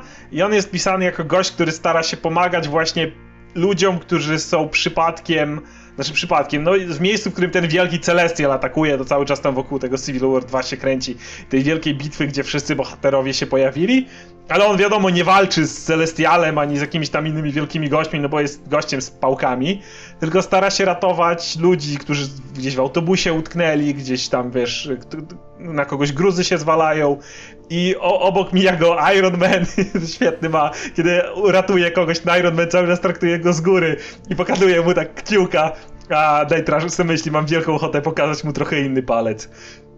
Po prostu i on tam ca cały czas jest, oczywiście upgrade'ował swój gear, jego deskorolka już jest jak z powrotu z przy y, do przyszłości, czyli lewituje nad ziemią, może się rozdzielać, jakieś tam tarcze robić, ogólnie ma upgrade, chwilę gada z Carol Danvers, ale to jest całkiem fajny komiks właśnie, jeżeli ktoś jakkolwiek pamięta tę postać, a ja tak, to może mieć z tego powodu sentyment, a jest też on fajnie napisany na tak ma w tak małej historii, szczególnie, że w Civil War prawie wszystkie postacie są bardzo na niekorzyść pisane, jak mówiliśmy o Carol Danvers czy Karnaku, ich się po prostu no, nie da czytać w tym nowym Civil War.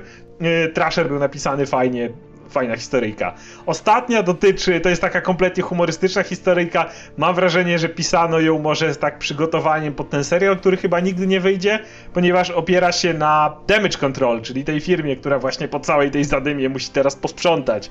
No i mają problem, bo ich sprzęt znika, oni są w ogóle prawie bankrutami, to wiąże się z poprzednim Civil War, kiedy wtedy ta firma okazuje się, że stała trochę za pierwszym Civil War, bo oni podjudzali te wszystkie walki, żeby potem zarabiać na tym kasę, więc mają bardzo zły PR, bardzo złą opinię publiczną, wiecie, zarabiają na wojnie, na niedoli ludzi i tak dalej, więc generalnie tak naprawdę są prawie bankrutami i znika ich, e, ich sprzęt jeszcze, no ten, który, który potrzebują do, do, tam zbierania gruzów, odbudowywania i tak dalej. I w nocy się okazuje, że za e, znikaniem tego sprzętu stoi koleś, który nazywa się Trog, zapomniałem już jak dokładnie, w każdym razie wygląda jak taka wielka koparka. Nazywa taki... się Trull the Unhuman. Okay. I to jest taka wielka koparka. I on się czuje samotny i roz i rozkłada inne, rozkłada ich sprzęt, żeby budować swoje małe koparki, żeby mieć swoją rodzinę. Jest bardzo smutno. I, ale cały czas mówi, jak on jest wielki i potężny i on tutaj chce zniszczyć ludzkość koparkami, nie wiem, coś w tym rodzaju. Ale ostatecznie Damage Control się z nim dogadują i nie dość, że mają teraz żywą koparkę, która im pomaga, to jeszcze mają slogan reklamowy, bo on powiedział w momencie, że... Bo nie mogli znaleźć sloganu reklamowego. Więc on mówił, że a, czasem lepiej to zostawić dla specjalistów. I gość od PR-u taki, o, to genialne! I kończy się komiks tym, że oni stoją wszyscy, wiesz, damage control, e, walki z super złoczyńcami to broszka super bohaterów, ale sprzątanie i ten, ten trok mówi pozostaw dla specjalistów. Więc tak to się kończy. I moim zdaniem to bardzo pasująca postać, dlatego że jest koparką z twarzą. Tak, jest koparką z twarzą idealny po prostu do tego, żeby, żeby być w damage control, więc znaleźli po prostu idealnego bohatera na idealnym miejscu. I ten komiks też mi się podobał. Także te, te dwie pozostałe małe historyki były sympatyczne. Niestety ta, ta z Nickiem Fury już niekoniecznie. No, a w następnym zeszycie na okładce mamy Rodiego, który sobie leci i strzela i Moon Knighta z logo SHIELD, więc choć z No. ciekawości chyba sprawdzę o co chodzi. Night logo Shield, what? Dobra, czas w takim razie zająć się jedynkami z DC, więc proponuję po prostu omówić je w miarę tutaj po kolei każdą. Eee, I Adam zacznij w takim razie. Ja chciałbym zacząć od komiksu Wonder Woman numer 1, pisanego przez Grega Raka, dlatego że jest to moim zdaniem jeden z najlepszych komiksów tego tygodnia. Jest to komiks, w którym dalej kontynuujemy historię, która się zaczęła w Wonder Woman Rebirth i widzimy jak Diana wędruje po świecie, tym razem do Afryki, po to, żeby jak gdyby poznać całą swoją zagmatwaną przeszłość i jak to się właściwie wydarzyło i szuka tam niebezpiecznego aliansu. Prawdopodobnie idzie spotkać się z jednym z swoich, nie boskich przyjaciół w Afryce. I no, podoba mi się to, że dostajemy jak gdyby ponowne zaprezentowanie postaci Steve'a Trevora i Ety Candy. O Ecie Candy już mówiliśmy przy okazji Wonder Woman Granta Morrisona. Tak. No tak. to jest prawdopodobnie dalsze realizowanie tego wielkiego planu Rebirth, który opierał się na przywracaniu dawnych relacji między bohaterami, więc prawdopodobnie dostaniemy dużo więcej Steve'a Trevora. Eta Candy w tej wersji bardziej przypomina Amandę Waller niż kogokolwiek innego. No, na to wygląda. Co mi się w tym komiksie tak do końca nie podobało, to to, że do końca nie wiemy, dokąd zmierzamy. Historia jest troszeczkę zbyt tajemnicza dla mnie, przez co zeszyty wydają się troszeczkę puste. W zeszycie mamy przepiękną kreskę Liama Sharpa, który moim zdaniem urodził się po to, żeby rysować Wonder Woman, dlatego że ten zeszyt jest po prostu przepiękny. Komiks ma zarówno urok, jak i styl, taki jaki do Wonder Woman idealnie pasuje. To pomyśl, jak musi się czuć ktoś, kto nie, ma, kto nie czytał wcześniej, bo ja nie mam kompletnie pojęcia, o co chodzi w tym komiksie. Dla mnie to jest, nie wiem za bardzo, co się dzieje cały czas, więc... No szczerze, ale to myślę, że to też tutaj tkwi też zaleta tego komiksu, bo szczerze mówiąc też nie do końca wiem, co się dzieje, ale narracja jest prowadzona tak fajnie, że mnie to wciągnęło.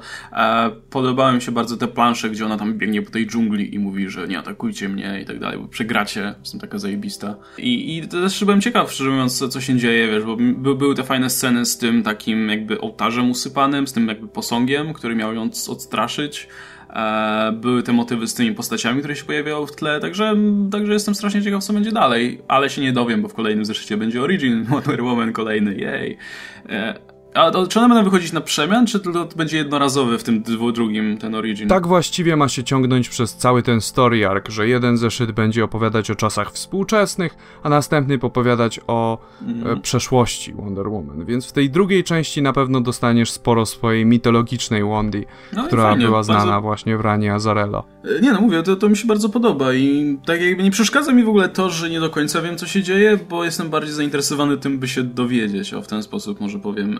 E, jeśli faktycznie będzie to powiązane z jakimś jasnym i w miarę konkretnym originem, to, to, który rozjaśni trochę pa, parę spraw, e, no to myślę, że będzie fajny run z tego. Chociaż powiem szczerze, że trochę mi jednak brakuje tego mitologicznego podejścia, które było u Azorello, ale to może dlatego, że, że to była pierwsza seria z Wonder Woman, która mnie wciągnęła tak na serio.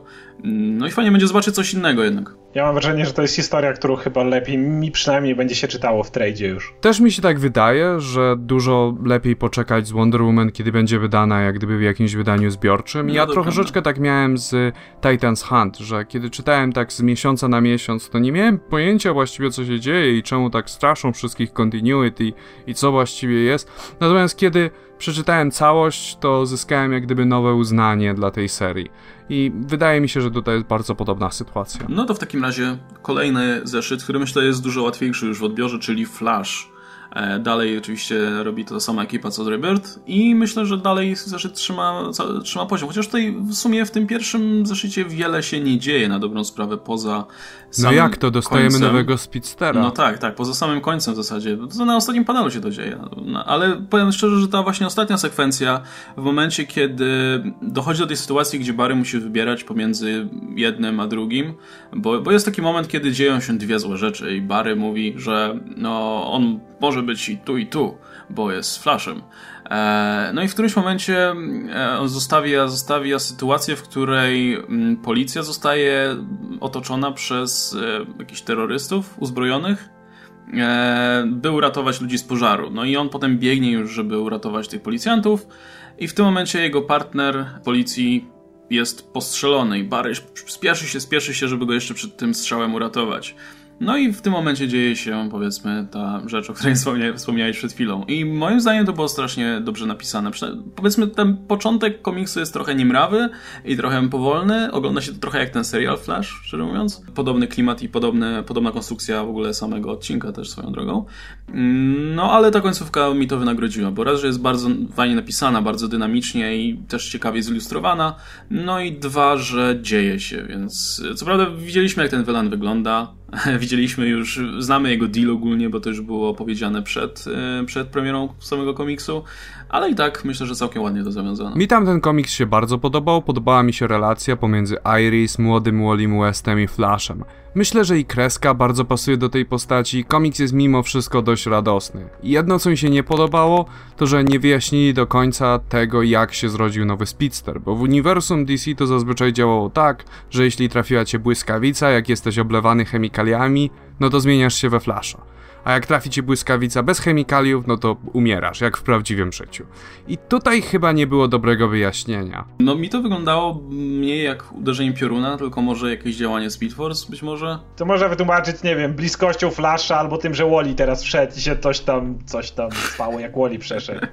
Bo, bo, Wally, bo Wally wyszedł ze Speed Force i teraz są jakieś coś. Nie dam głowy, ale z tego co pamiętam z wywiadów, to właśnie um, autor komiksu E, czyli e, Williamson powiedział, że, że ogólnie motyw jest taki, że Barry ma wychowywać całe nowe pokolenie speedsterów, więc e, z kolei ten nowy speedster, on się ma nazywać Godspeed chyba, jakoś tak? On nie ma być do końca takim typowym złoczyńcą, no bo wiemy kim on jest, więc to, to nie jest postać, która jest zła. On ma być, on ma, ma wypełniać powiedzmy tę szarą strefę, ma być takim antybohaterem trochę który pewnie będzie dopiero szukał swojego miejsca, będzie trochę po tej stronie, trochę po tej, więc jest to materiał powiedzmy też, też żeby się tutaj pod skrzydłami Flasha rozwijać w jakiś sposób. Także to, to ma sens jak dla mnie. Komiks sam był bardzo fajny. Flash to taki szczęśliwy zakątek uniwersum DC. Nawet jak popatrzysz na jego klasycznych przeciwników, no to jest Mirror Master, Captain Cold i inni, dość dziecinni i w dużej mierze niegroźni ludzie. Generalnie antybohater w Central City uchodziłby za nieskazitelnego bohatera w Gotham. I zazwyczaj jak ludzie mówią o antybohaterach, to myślą o postaciach takich jak Red Hood albo e, Moon Knight i zwyczajnie nie potrafię sobie tego wyobrazić w uniwersum czy też otoczeniu Flasha. Nie, myślę, że to z racji tego, że to jest mimo wszystko policjant, który swoje widział, to on będzie po prostu bardziej taki metodyczny, mniej właśnie, mniejszy, będzie na pewno mniejszym idealistą niż Flash. E, taki Azrael po prostu, podejrzewam. Oczywiście jak na skalę tutaj tego uniwersum Flasha, o którym wspominałeś przed chwilą.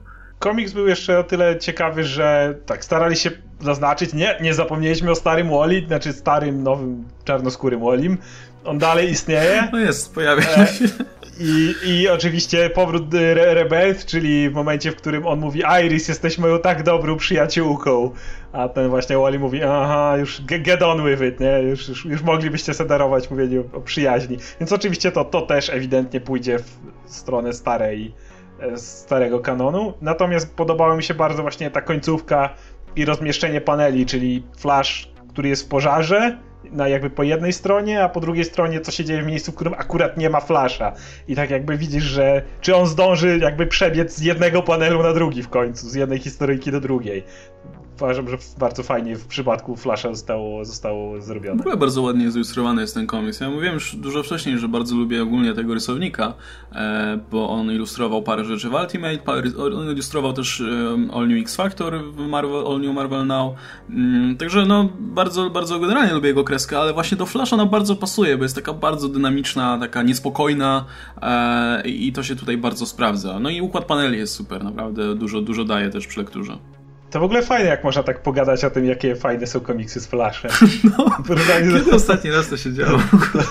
Do, do Marvel Now. Kiedy ja w ogóle, mia, w ogóle mi, mi obchodził jakiś komiks z Flashem? Chyba, chyba, ja, chyba nigdy. A ja właśnie po serialu sięgnąłem jeszcze, a zobaczę ten Marvel na, nie Marvel na, przepraszam, New, New 52 i uh. A tutaj wreszcie, tak. Więc jak ktoś nie, nie, lubi serial albo lubił część serialu i chciał więcej poznać bohatera, to, to tu, tu, tu się lepiej zaczyna niż w New 52 zdecydowanie. Jest jeden problem z tym, że postanowili zachować młodego i starego Wally'ego Westa i polega on na tym, że teraz już nie unikniemy używania określeń takich jak czarny Wally West i biały Wally West. Rudy Wally będzie. Że, żeby, żeby nie było, to dyskryminujmy obu. Będą musieli im dać inne ksywki po prostu i już.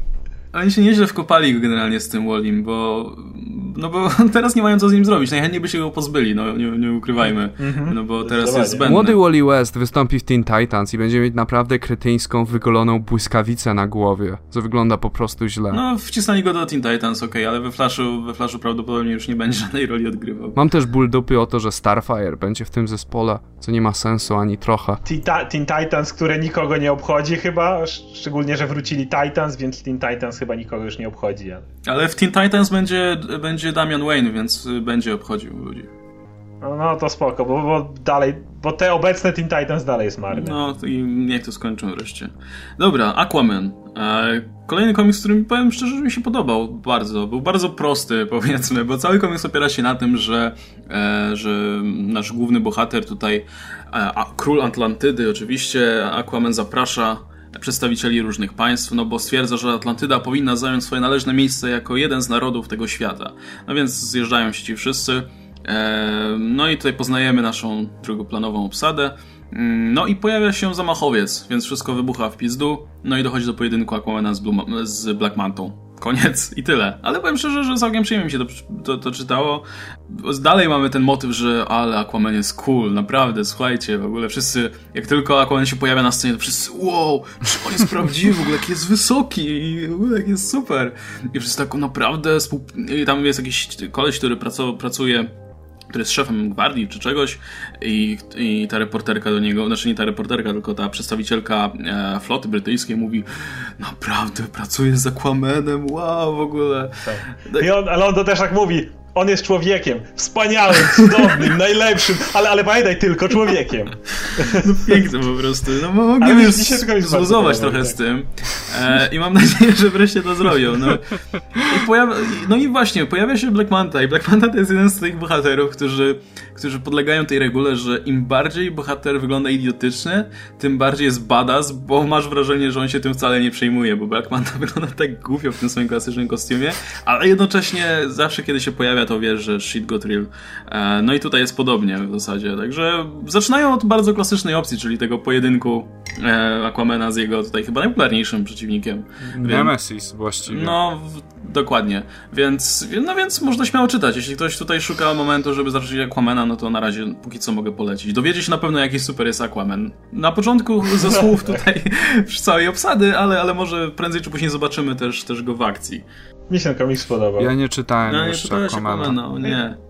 Ja czytałem i mi się bardzo podobał. Był na tyle luźno też napisany, że z jednej strony jest tak jak mówisz, a z drugiej strony nie bierzesz tego aż tak super na poważnie, wiesz, to nie jest to nie jest to, że mówimy, jak on uratował 10 sierot z pożaru, wiesz, i, i nakarmił wszystkich ludzi w Afryce, czy coś takiego, tylko to jest takim w miarę przymrużeniem oka pisane. Ten ton jest taki, właśnie to jest takie miarę lekkie i dlatego to się wydaje mi się fajnie czyta. Także mi się jak najbardziej to podobało.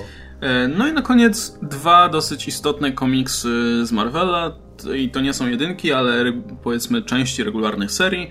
A jest jeszcze jedna jedynka. Okej, okay. Mm, okej, okay, to na koniec bo, bo ja, ja akurat na ten temat nie będę miał dużo do powiedzenia, ale zacznę od tego, co mnie bardziej interesuje, czyli dwóch, tak jak mówiłem, dwóch pozycji, które są godne polecenia, które są częściami serii, o których myślę, że nie miałem okazji powiedzieć jakoś tam szerzej, więc, więc na niniejszym to nadrabiam. Po pierwsze, Totally Awesome Hulk, e, zeszyt siódmy. I on jest na tyle specyficzny, że skupia się w zupełności na e, Bruce Bannerze. e, i temu, jak stracił swoje moce i w jaki sposób tutaj e, radzi sobie z tym, że stracił to może nie jest złe słowo, został wyleczony, bo tylko w ten sposób się o tym mówi, że on został wyleczony z bycia Hulkiem przez Amadeusa Cho, który jest nowym, totalnie zajebistym Hulkiem. E, no i powiem szczerze, że Amadeus Cho jest naprawdę zajebistym Hulkiem, to tak swoją drogą, to te pierwsze sześć zeszytów mi się bardzo podobały i jeśli ktoś nie zna Amadeusa Cho, to jest postać, która w zasadzie od dawna się pojawia tutaj w towarzystwie mm, Hulka, Bruce'a Bannera i nie tylko. E, to jest mniej, gdy miał go opisać tak najkrócej, to bym powiedział, że to jest po prostu młody Tony Stark, czyli geniusz ósmy na świecie, bo to powtarza co jakiś czas. Tak, on bardzo lubi Bardzo lubi to. Pomyślałbyś, że nie chciałby się tym chwalić i wolałby powiedzieć na przykład jeden z najmądrzejszych ludzi na świecie, ale nie, jemu odpowiada to ósme miejsce, jest z tego jak najbardziej dumny. Jak jest Stark na świecie Doctor Doom, czyli Richards, to ja też nie miałbym nic No, też prawda, szczególnie jak jesteś jeszcze nastolatkiem. Ale w każdym razie on jest właśnie taki pewny siebie, wygadany, trochę zarozumiały. Mm, no ogólnie mówię, młody Tony Stark mniej więcej, ale jest jednocześnie bardzo sympatyczny i, i powiedzmy nie, nie ma problemu z polubieniem go. Mm, no ale tak jak mówiłem, tutaj się skupiamy na samym Bruce Bannerze, czyli motywie, który został już ograny po prostu do granic możliwości, czyli o, drama, bo Bruce i Hulk to jedna osoba, on nie chce być Hulkiem i tak dalej, no ale tutaj zostaje wreszcie z tej swojej klątwy uwolniony, no i strasznie podobało, miałem mówić strasznie, cholernie podobało mi się to, jak, to też nie jest najlepsze nie określenie, niesamowicie podobało mi się to, jak zostało to zaprezentowane, w jaki sposób Bruce Banner reaguje na to, że już nie jest Hulkiem, bo to jest takie bardzo wiarygodne połączenie żalu, niedowierzania, e, rozczarowania, no pojawia się jeszcze Tony Stark, który jak wiadomo z Bruce'em Bannerem jest związany wielokrotnie i no i powiedzmy e, jest tą postacią, wobec której Bruce Banner akurat ma trochę powiedzmy niechęci Choćby dlatego, że. Główny inicjator wystrzelenia go w kosmos. Tak, Więc. tak, że i, i tutaj również na niego się wylewają te emocje Bruce'a Bannera i on jest naprawdę, jest z jednej strony zły, z drugiej strony jest szczęśliwy, że już nie jest Hulkiem, jest smutny i w ogóle to wszystko jest tak ładnie napisane i, i robi się z tego taki wielki tygiel emocji, że no naprawdę wypada to wiarygodnie i, i muszę powiedzieć, że po raz pierwszy chyba w ogóle Bruce Banner mnie zainteresował od bardzo dawna. Mm, także no Greg Pak robi naprawdę świetną robotę z Hulkiem. Zresztą Greg Pak Pak to jest chyba jedna osoba, która, która, która dobrze pisała Hulka kiedykolwiek. Może poza Peterem Davidem oczywiście, ale, ale no, bardzo mi się to podobało. I zanim od, oddam głos jeszcze Oscarowi, to krótko o Uncanny Avengers zeszyt 10. Rzecz w tym, że niedawno na łamach tutaj Uncanny Avengers wrócił Hank Pym. Hank Pym, który w, nowy, w powieści graficznej Rage of Ultron został połączony z Ultronem. No i tam dryfował gdzieś w kosmosie, w którymś z poprzednich zeszytów wrócił. No i w, w poprzednim, dziewiątym zeszycie już Avengers dowiedzieli się o tym, że Hank Pym jest na Ziemi, mieliśmy jakąś tam krótką konfrontację i Hank Pym wydawał się trochę dziwny, trochę niepokojący i to było dosyć mocno podkreślone. Tutaj, a jako w roli kogoś, kto ma przetestować, czy Hank Pym jest tym, za kogo się podaje, czy to coś nie jest z nim nie tak, pojawia się oczywiście e, Janet Van Dyne, czyli Wasp, e, jego była żona, jak, jak pewnie wiecie. No i tutaj e, z, za pomocą powiedzmy aluzji do do czego to było? Do Ghostbusters, nie? Ghostbusters. Tak, do Ghostbusters mhm. i do słynnej już ponoć niechęci Hanka Pyma do przebywania na plaży, e, bo, bo po pierwsze Hank Pym nie rozpoznaje aluzji do Ghostbusters, a po drugie stwierdza, że nowy wypad na plażę byłby spoko, mimo że normalnie stwierdził. No. no, to, to Janet, Janet się orientuje, że coś jest nie tak, więc dochodzi do wielkiego ujawnienia się, że tutaj Hank Pym jest w rzeczywistości Altronem, który tylko przyjął tę twarz. No i wraca Altron, jej! E, no i zeszyt może nie był niczym specjalnym, ale ten story arc myślę całkiem ładnie został zawiązany. Bardzo fajnie przeprowadzono ten powrót Hanka Pyma, naprawdę te, te poprzedni zeszyt i ten e, tworzące taką właśnie historię są naprawdę mocno niepokojące i trochę trzymają w napięciu nawet. Także Także to bardzo dobra robota, fajnie, że Jerry Dugan chociaż w Uncanny Avengers sobie dobrze radzi z, z pisaniem swoich ongoingów. E, I Cabot wreszcie zauważył, jak cool jest Cable. Po tak, właśnie. Wreszcie. Osobą, która... O właśnie, to jest najfajniejszy motyw z tego komiksu, o nim nie wspomniałem. Jest genialna scena, gdzie Hank Pym przychodzi do, do tej e, tutaj siedziby Uncanny Avengers i Cable zauważa, że coś jest nie tak. I on stosuje po prostu sprytną zagrywkę psychologiczną Hanku Pymie. Otóż zaczyna podważać jego zasługi i w ogóle przydatność i, i to, że Bo, bo Hank Pym ma trochę ból dupy, że nikt go nie szuka po tym kosmosie. Hank Pym zawsze miał kompleks. On nie, ale on tak, miał zawsze zawsze miał kompleks kompleks mniejszości. mniejszości. Tak, kompleks niższości był- wobec innych Stąd bohaterów. się Yellow Jacket wziął, bicie żony, to wszystko, Hank Pym zawsze był zakompleksiony. Dokładnie. I, no i Cable to wykorzystuje w bardzo sprytny sposób, po prostu zaznacza, że być może Hank Pym po prostu nie był wystarczająco ważny, żeby tutaj zasłużyć na, na miano innych wielkich umysłów, żeby w ogóle go tam szukać. No i w tym momencie właśnie coś w nim pęka i, i, i ta widocznie osobowość Hanka, która jeszcze była w Altronie, e, sprawia, że, że prawda wychodzi na jaw. Także no bardzo fajnie to było napisane. Mówię, Cable? po prostu mówię, od dawna, od dawna mi się tak dobrze Cable'a też nie czytało. E, cieszę się strasznie, że cieszę, cieszę się naprawdę bardzo, że jest w ogóle częścią tej drużyny, bo bardzo tam dobrze pasuje. No, dobra, tyle mojego rantu odnośnie tych dwóch, dwóch serii. Oddaję ci głos w takim razie. Jeśli chodzi o Hulka, nie mam aż tak dużo do dodania. Uważam, że komiks nie tyle był dobry, co był rewelacyjny. Nie pamiętam też, kiedy ostatnim razem Banner był interesującą postacią. Wszystkich interesował zawsze Hulk. Banner był na doczepkę, niech on się wreszcie przemieni w Hulka. A tutaj pokazany ten dramat postaci. Moment, w którym Banner wchodzi do baru i dostaje w pierdziel i za chwilę stwierdza, że nie jest nic na to w stanie poradzić i zaczyna się z tego powodu cieszyć jak głupi, jest tak urzekający po prostu. No, cieszysz się, że dostajesz w pierdziel właśnie. To jest, to, to jest, jak rozumiesz, kim jest Bruce Banner, to jest tak urzekające, to jak on potem właśnie wreszcie może pierwszy raz w życiu do, do, do, dociera to do ciebie, może poczuć adrenalinę, może poczuć strach przed jakimś, jakąś śmiercią, przed, przed, nie wiem, prędkością, cokolwiek, to nigdy w życiu tego nie mógł robić. Może, nie wiem, zacząć cieszyć się, może, może wreszcie wykrzyczeć się na Starka za wszystkie krzywdy, które Illuminati poniekąd mu wyrządzili. Wykrzyczeć się bez miażdżenia dla Halka twarzy i rozwalaniu całego miasta, w którym są. Więc uważam, że to nie tylko było dobrze, ale to zostało ujęte tak Nie spodziewałem się, że w ogóle może tak do Bannera podejść. Byłem tak, pod takim wrażeniem. Także absolutnie ten komiks nawet jako standalone można przeczytać. Zupełnie. Wręcz warto, jeśli Uważam, ktoś lubi się- Hulka i chce spojrzeć na niego z innej strony, e, a nie chce się angażować w całą serię, to jak najbardziej ten siódmy zeszyt może, można śmiało Tak. wziąć. Jest, jest, jest, jest niesamowity, a wręcz spektakularny, żeby się nie powtarzać. E, natomiast jeśli chodzi o Uncanny Avengers, to tak, ta, ta cała intryga z Ultranem mi się podobała, ale znowu Cable pokazał po raz kolejny, że jest rewelacyjny w tej drużynie. Uwielbiam Cable'a, Cable od dawna już pokazywał, że jest badassem, to jak niedawno w Deadpoolu również wyjaśniło się, że skąd on zawsze ma pieniądze. Jak mu się kasa kończyła, cofał się w czasie, zakładał lokatę 100 lat temu, procenty działały i, i dzisiaj wyjmował hajs. No. Cable jest cwany w ten sposób. Więc y, i to jak on po raz kolejny pokazuje, że potrafi przetrenować tę drużynę, bo to też pokazywało zawsze jak X-Men, którzy zawsze trenowali w tym Danger Roomie, a Avengers bardziej polegali na swoich mocach i generalnie tym, co już wiedzieli, a Cable w tej drużynie stara się ich doszlifować, stara się znaleźć kolejne zalety, kolejne sposoby, jak można użyć pewnych y, mocy bohaterów, o których oni sami nie myśleli, więc jako ten dodatkowy atut tej drużyny uważam, że działa świetnie i to właśnie jak podchodzi Pyma też działa naprawdę fajnie, a niestety ten tydzień uważam w Marvelu wypadł wyjątkowo słabo, więc te dwa komiksy, bo to mówiliśmy o poprzednich, jak samie Wilsonie, czy jeszcze moglibyśmy wymienić inne, niekoniecznie dobre e, numery, więc te dwa zeszyty szczególnie dobrze wyszły w tym tygodniu, szczególnie na tle całego szamba, które się niestety wylało. Dobra, to w takim razie jeszcze na koniec, jeśli macie coś do dodania, to bardzo proszę. Jeszcze tylko wspomnę krótko, że zdarzyło mi się tutaj czytać w tym tygodniu jeszcze Detective Comics, nowy, nawet nie pamiętam jaki to astronomiczny numerek to był, i Action Comics i Action Ja Comics też. było... E, ok, Nic się nie wydarzyło. Nic się nie wydarzyło. Ogólnie ta seria. e, No, nawet nie, nawet szczerze mówiąc, nie mam pojęcia, co nie mogę powiedzieć. Na pewno nie był, nie był to tak zły numer jak ten poprzedni. Ale Się nie bili. poruszył mnie specjalnie nic. No trochę się bili i tyle. No i czytałem też Detective Comics i też szczerze mówiąc mnie tam mocno nie ruszyło. Sporo narzekania i takiego jęczenia i, i też się to za bardzo do przodu nie ruszyło, aczkolwiek e, jakieś tam przynajmniej elementy tej całej intrygi dostaliśmy, więc, więc dobre i tyle. Ale też, też mnie to nie, nie, nie emocjonuje jakoś specjalnie.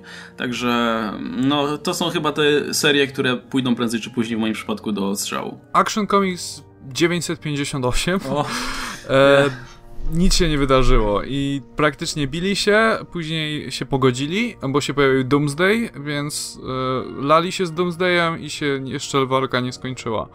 Ta seria jest jak taki tłusty hamburger. E, wiesz, że to jest paskudne, wiesz, że to jest niezdrowe i że ma w cholerę kalorii, nie masz z tego większej satysfakcji, ale jesz i tak. I to jest moje doświadczenie z Action Comics na, na razie. E, czekam, może to się poprawi i naprawdę wierzę w Jorgensa, bo to jest dobry scenarzysta i mam nadzieję, że do czegoś to prowadzi, bo jeśli nie, to będzie słabo.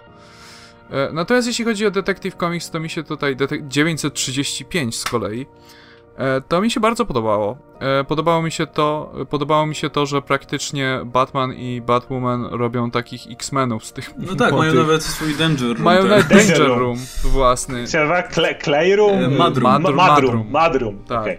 I podoba mi się też, jak się rozwija charakter Clayface'a, to, że Clayface dostał tę taką dziwną kontrapcję, no, która No, sprawia, jak Nightcrawler jest... w ewolucji, nie? Tak, więc, więc to wszystko jest znajome i równocześnie pojawia się, pojawia się ten złoczyńca serii, którym jest, e, nie wiem, banda ludzi, którzy się ubierają nie, jak Arkham Nie przypomina Knight. wam to trochę właśnie Arkham Knighta? Tak, tak trochę. No, I te czołgi, które wyjeżdżają na ulicę. No tak, tak, tak armia no. Arkham Knightów po prostu. No i ciekaw jestem, bo no to jest e, zawsze to jest ciekawe, że ktoś udaje Batmana i próbuje w ten sposób popełniać zbrodnie i jak gdyby kierować innych na Batmana. Bo, I no, zobaczymy. E, cieszę się też, że Jean Paul jest znowu aktywnym bohaterem w uniwersum DC. Powiedzmy. No, aktywny, leży w łóżku. Nie jest aktywny, ale jest bohaterem. Pojawia się na kadrach i w ogóle. E, generalnie mi się podobał ten zeszyt bardzo. E, jak, jak ty myślałeś, Oskar? Mi też się bardzo podobał, dlatego że ja uwielbiam relacje Bat Family i, i pochodnych, że tak powiem, bo tu bardziej pochodne niż samo Bat Family, więc mi się ten komiks po prostu podobał. Ten cały, wszystko co z Catherine Kane jest, bardzo mi się podobało. Nawet przemowa ojca o Wayne'ach i Kane'ach też była dla mnie spoko, bo ja nie, ja wiedziałem, że są spokrewnieni z poprzedniego, ale nie, nie znałem dokładnej relacji. A teraz wiem, że Martha Wayne była y, siostrą ojca Catherine Kane, czyli oni są po prostu rodzeństwem, tak, siostr, siostr, jest jego siostrą cioteczną, o tak, e, Bruce'a, e, Catherine. Nie wiedziałem o tym i to też dobrze, że się dowiedzieć, ale cała ta relacja drużyny w cudzysłowie zaczyna wyglądać według mnie całkiem obiecująco, więc w przeciwieństwie do Action Comics Detective mi podchodzi. Ale podobało mi się... Ja... No. No, Przepraszam. Nie, to ja chciałem o czymś innym powiedzieć. Nie, jak chcesz jeszcze o detektyw, to mów. Podobało mi się też to, jak się uczą współpracować ze sobą, że tam walczą w tym Madrum i jak gdyby wychodzą i Batwoman mówi im wszystkim, co robili źle, że ty tutaj, e, spoiler, masz dobrą technikę, ale nie masz do nich ciała odpowiedniego, nie jesteś odpowiednio wytrenowana. E, z kolei Orphan stara się, czyli Cassandra Kane, stara się walczyć z wszystkimi i nie współpracuje. I za wszystkich jeszcze. I za wszystkich. A. Clayface, ty nic nie masz w ogóle. Jesteś, jesteś aktorem. Ale to jeszcze fajniej podkreśla też charakter Catherine, którą lubię bardzo i to też fajnie ją pokazuje. Tak jak tak jak były obawy jakieś mogły być, że będzie pokazywana jednak jako grająca drugie skrzypce dla, do Batmana. I Batman faktycznie stara się, jak widzisz w rozmowie z Alfredem, on nie mówi jej wszystkiego, to jednak ona ma swój charakter i ewidentnie nie jest jego podkomendną i na pewno bardzo się wkurwi, jak się dowi, że Batman coś przed nią zataił. Znaczy ona wie o tym, że coś zataja i ona no, po prostu powiedziała, że będzie taki moment, kiedy będziesz mi musiał powiedzieć. Wszystko to jeszcze no tak. w poprzednim zeszycie powiedziała. Ale to jest taka Batmanowa rzecz, jak gdyby cecha charakteru. On zawsze ukrywa przed współpracownikami no tak, rzeczy. E, on przecież miał e, wypad z Ligi Sprawiedliwości za to, że ukrywał. I e, dlatego ja trochę, troszeczkę mnie to, wiesz, nie szokuje, czy nie dziwi, że ukrywa, dlatego, że Batman zawsze coś ukrywa, Batman zawsze ma, wiesz, do 3-4 asy w rękawie i te asy mają jeszcze swoje asy w środku. Więc, e, no, je, jestem ciekaw, do czego to zmierza i kim są ci, kim jest ta armia Arkham Knightów i co chcą, aczkolwiek potrafię sobie wyobrazić, że to może się skończyć bardzo rozczarowująco. Więc myślę, mam nadzieję, że coś więcej będzie, jeśli chodzi, bo ci złoczyńcy nie wyglądają sami z siebie zbyt, zbyt interesująco, więc mam nadzieję, że będzie coś jeszcze, czego jeszcze nie wiemy. Okay, komiks, o którym ja bym chciał powiedzieć na sam, e, na sam koniec, to jest Drax, e, numer ósmy, dlatego, że e, bardzo podoba mi się ta seria, to jest coś, jak już mówiłem, no nie mogę dostać Richarda Rydera, nie mogę dostać nowy, ale to jest coś dla fanów Annihilation i o dziwo nie pisze tego Dan Abnett, bo już nie pisze dla Marvela, tylko Cullen Bunn razem z CM Punkiem, tak. E, w każdym razie e, to jest seria, w której naprawdę można znaleźć coś znajomego, jeżeli bardzo się lubiło te kosmiczne przygody i ona już trochę zeszła z komediowego tonu, co mi się podoba. Ona fajne była, jak była taka przerysowana mocno, Dalej oczywiście jest tam Planet Terry, który mówi jaki jest zajebisty jak wszystkich rozwali, ale to on już jest bardziej comic relief niż, wiesz, pasującym gościem do tonu. I ten komiks jest szczególnie dla fanów tego Draxa przedfilmowego. Ludzie, którzy znają Draxa przede wszystkim z filmu Guardians of the Galaxy mogą niekoniecznie się tu odnaleźć, natomiast dla fanów właśnie Annihilation i czasu, kiedy Drax latał tam z taką dziewczynką Kami u boku, tutaj znowu są w duecie, jest fajna relacja między nimi, jak ona mówi, że go szukała, jak, jak starała się myśleć, co zrobi Drax w danej sytuacji, czyli jak wszystkich rozpierdzielić jednym słowem. I to, że Drax faktycznie nie jest takim przygłupem jak, bardziej jest pokazane, że to była maska, że to, to, to jak zachował się Drax jako taki przygłup, który wszystko bierze dosłownie, to nie jest Drax, to jest coś, żeby jeszcze bardziej zmylić przeciwników, bo on jest tak naprawdę zajebiście wyrachowanym i wyszkolonym mordercą, który wie dokładnie jak podejść przeciwnika. I ostatnio brakuje mi komiksów, które byłyby troszeczkę poważniejsze, z dużą ilością takiego humoru sytuacyjnego. Ostatnio Marvel zdecydowanie robi typowo komediowe serie, na przykład Power Man i Iron Fist ostatnio daleko mnie zraził. A Drax jest właśnie tą serią, która od takiego kompletnej komedii skręciła trochę w stronę właśnie dużej ilości comic relief, dużej ilości właśnie takiego sytuacyjnego humoru, a mniej y, totalnie absurdalnych sytuacji i to bardzo doceniam.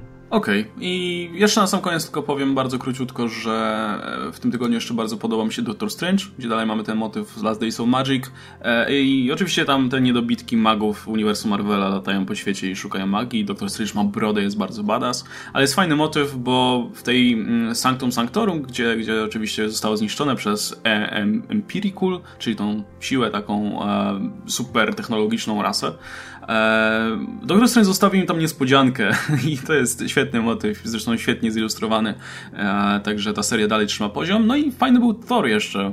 E, fajnie zobaczyć, że po tej krótkiej przerwie na opowieść o o Lokim czy o kim.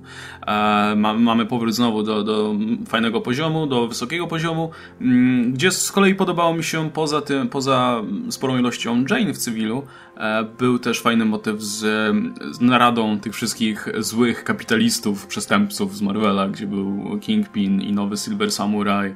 E, no i cała ta ekipa. Exterminatrix. I, i, no, i potem się pojawia Exterminatrix, która, która, której nie było chyba od, tak. od um, Original, Original Sin. Także, także miło ją tutaj zobaczyć. Dziwacz... Nie ma jeszcze bardziej, ma jeszcze bardziej sadomaso kostium tak, niż miała ma wtedy, taką ale... maskę jak jakiś wiesz, pokrak z Pulp Fiction. w każdym razie, w każdym razie komiks był też bardzo udany. No i to chyba tyle. Także, mm, także sporo komiksów, sporo newsów.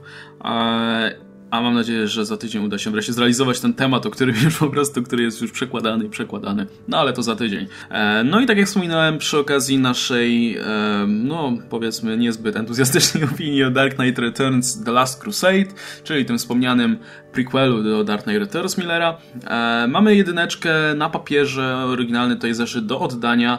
E, nawet jeśli ten komiks wam się spodoba lub nie, no to myślę, że tutaj dla wartości kolekcjonerskiej warto mieć. Musicie odpowiedzieć na proste pytanie, odpowiedzieć i tutaj to jest bardzo ważna rzecz, nie w komentarzach na YouTubie, czy na SoundCloudzie, czy gdziekolwiek słuchacie, ale na blogu, tam gdzie jest oczywiście post poświęcony temu odcinkowi podcastu, no bo tam mam łatwy dostęp do waszych maili i ogólnie łatwiej się z wami skontaktować, więc na blogu piszcie w komentarzach pod postem dotyczącym tego odcinka podcastu.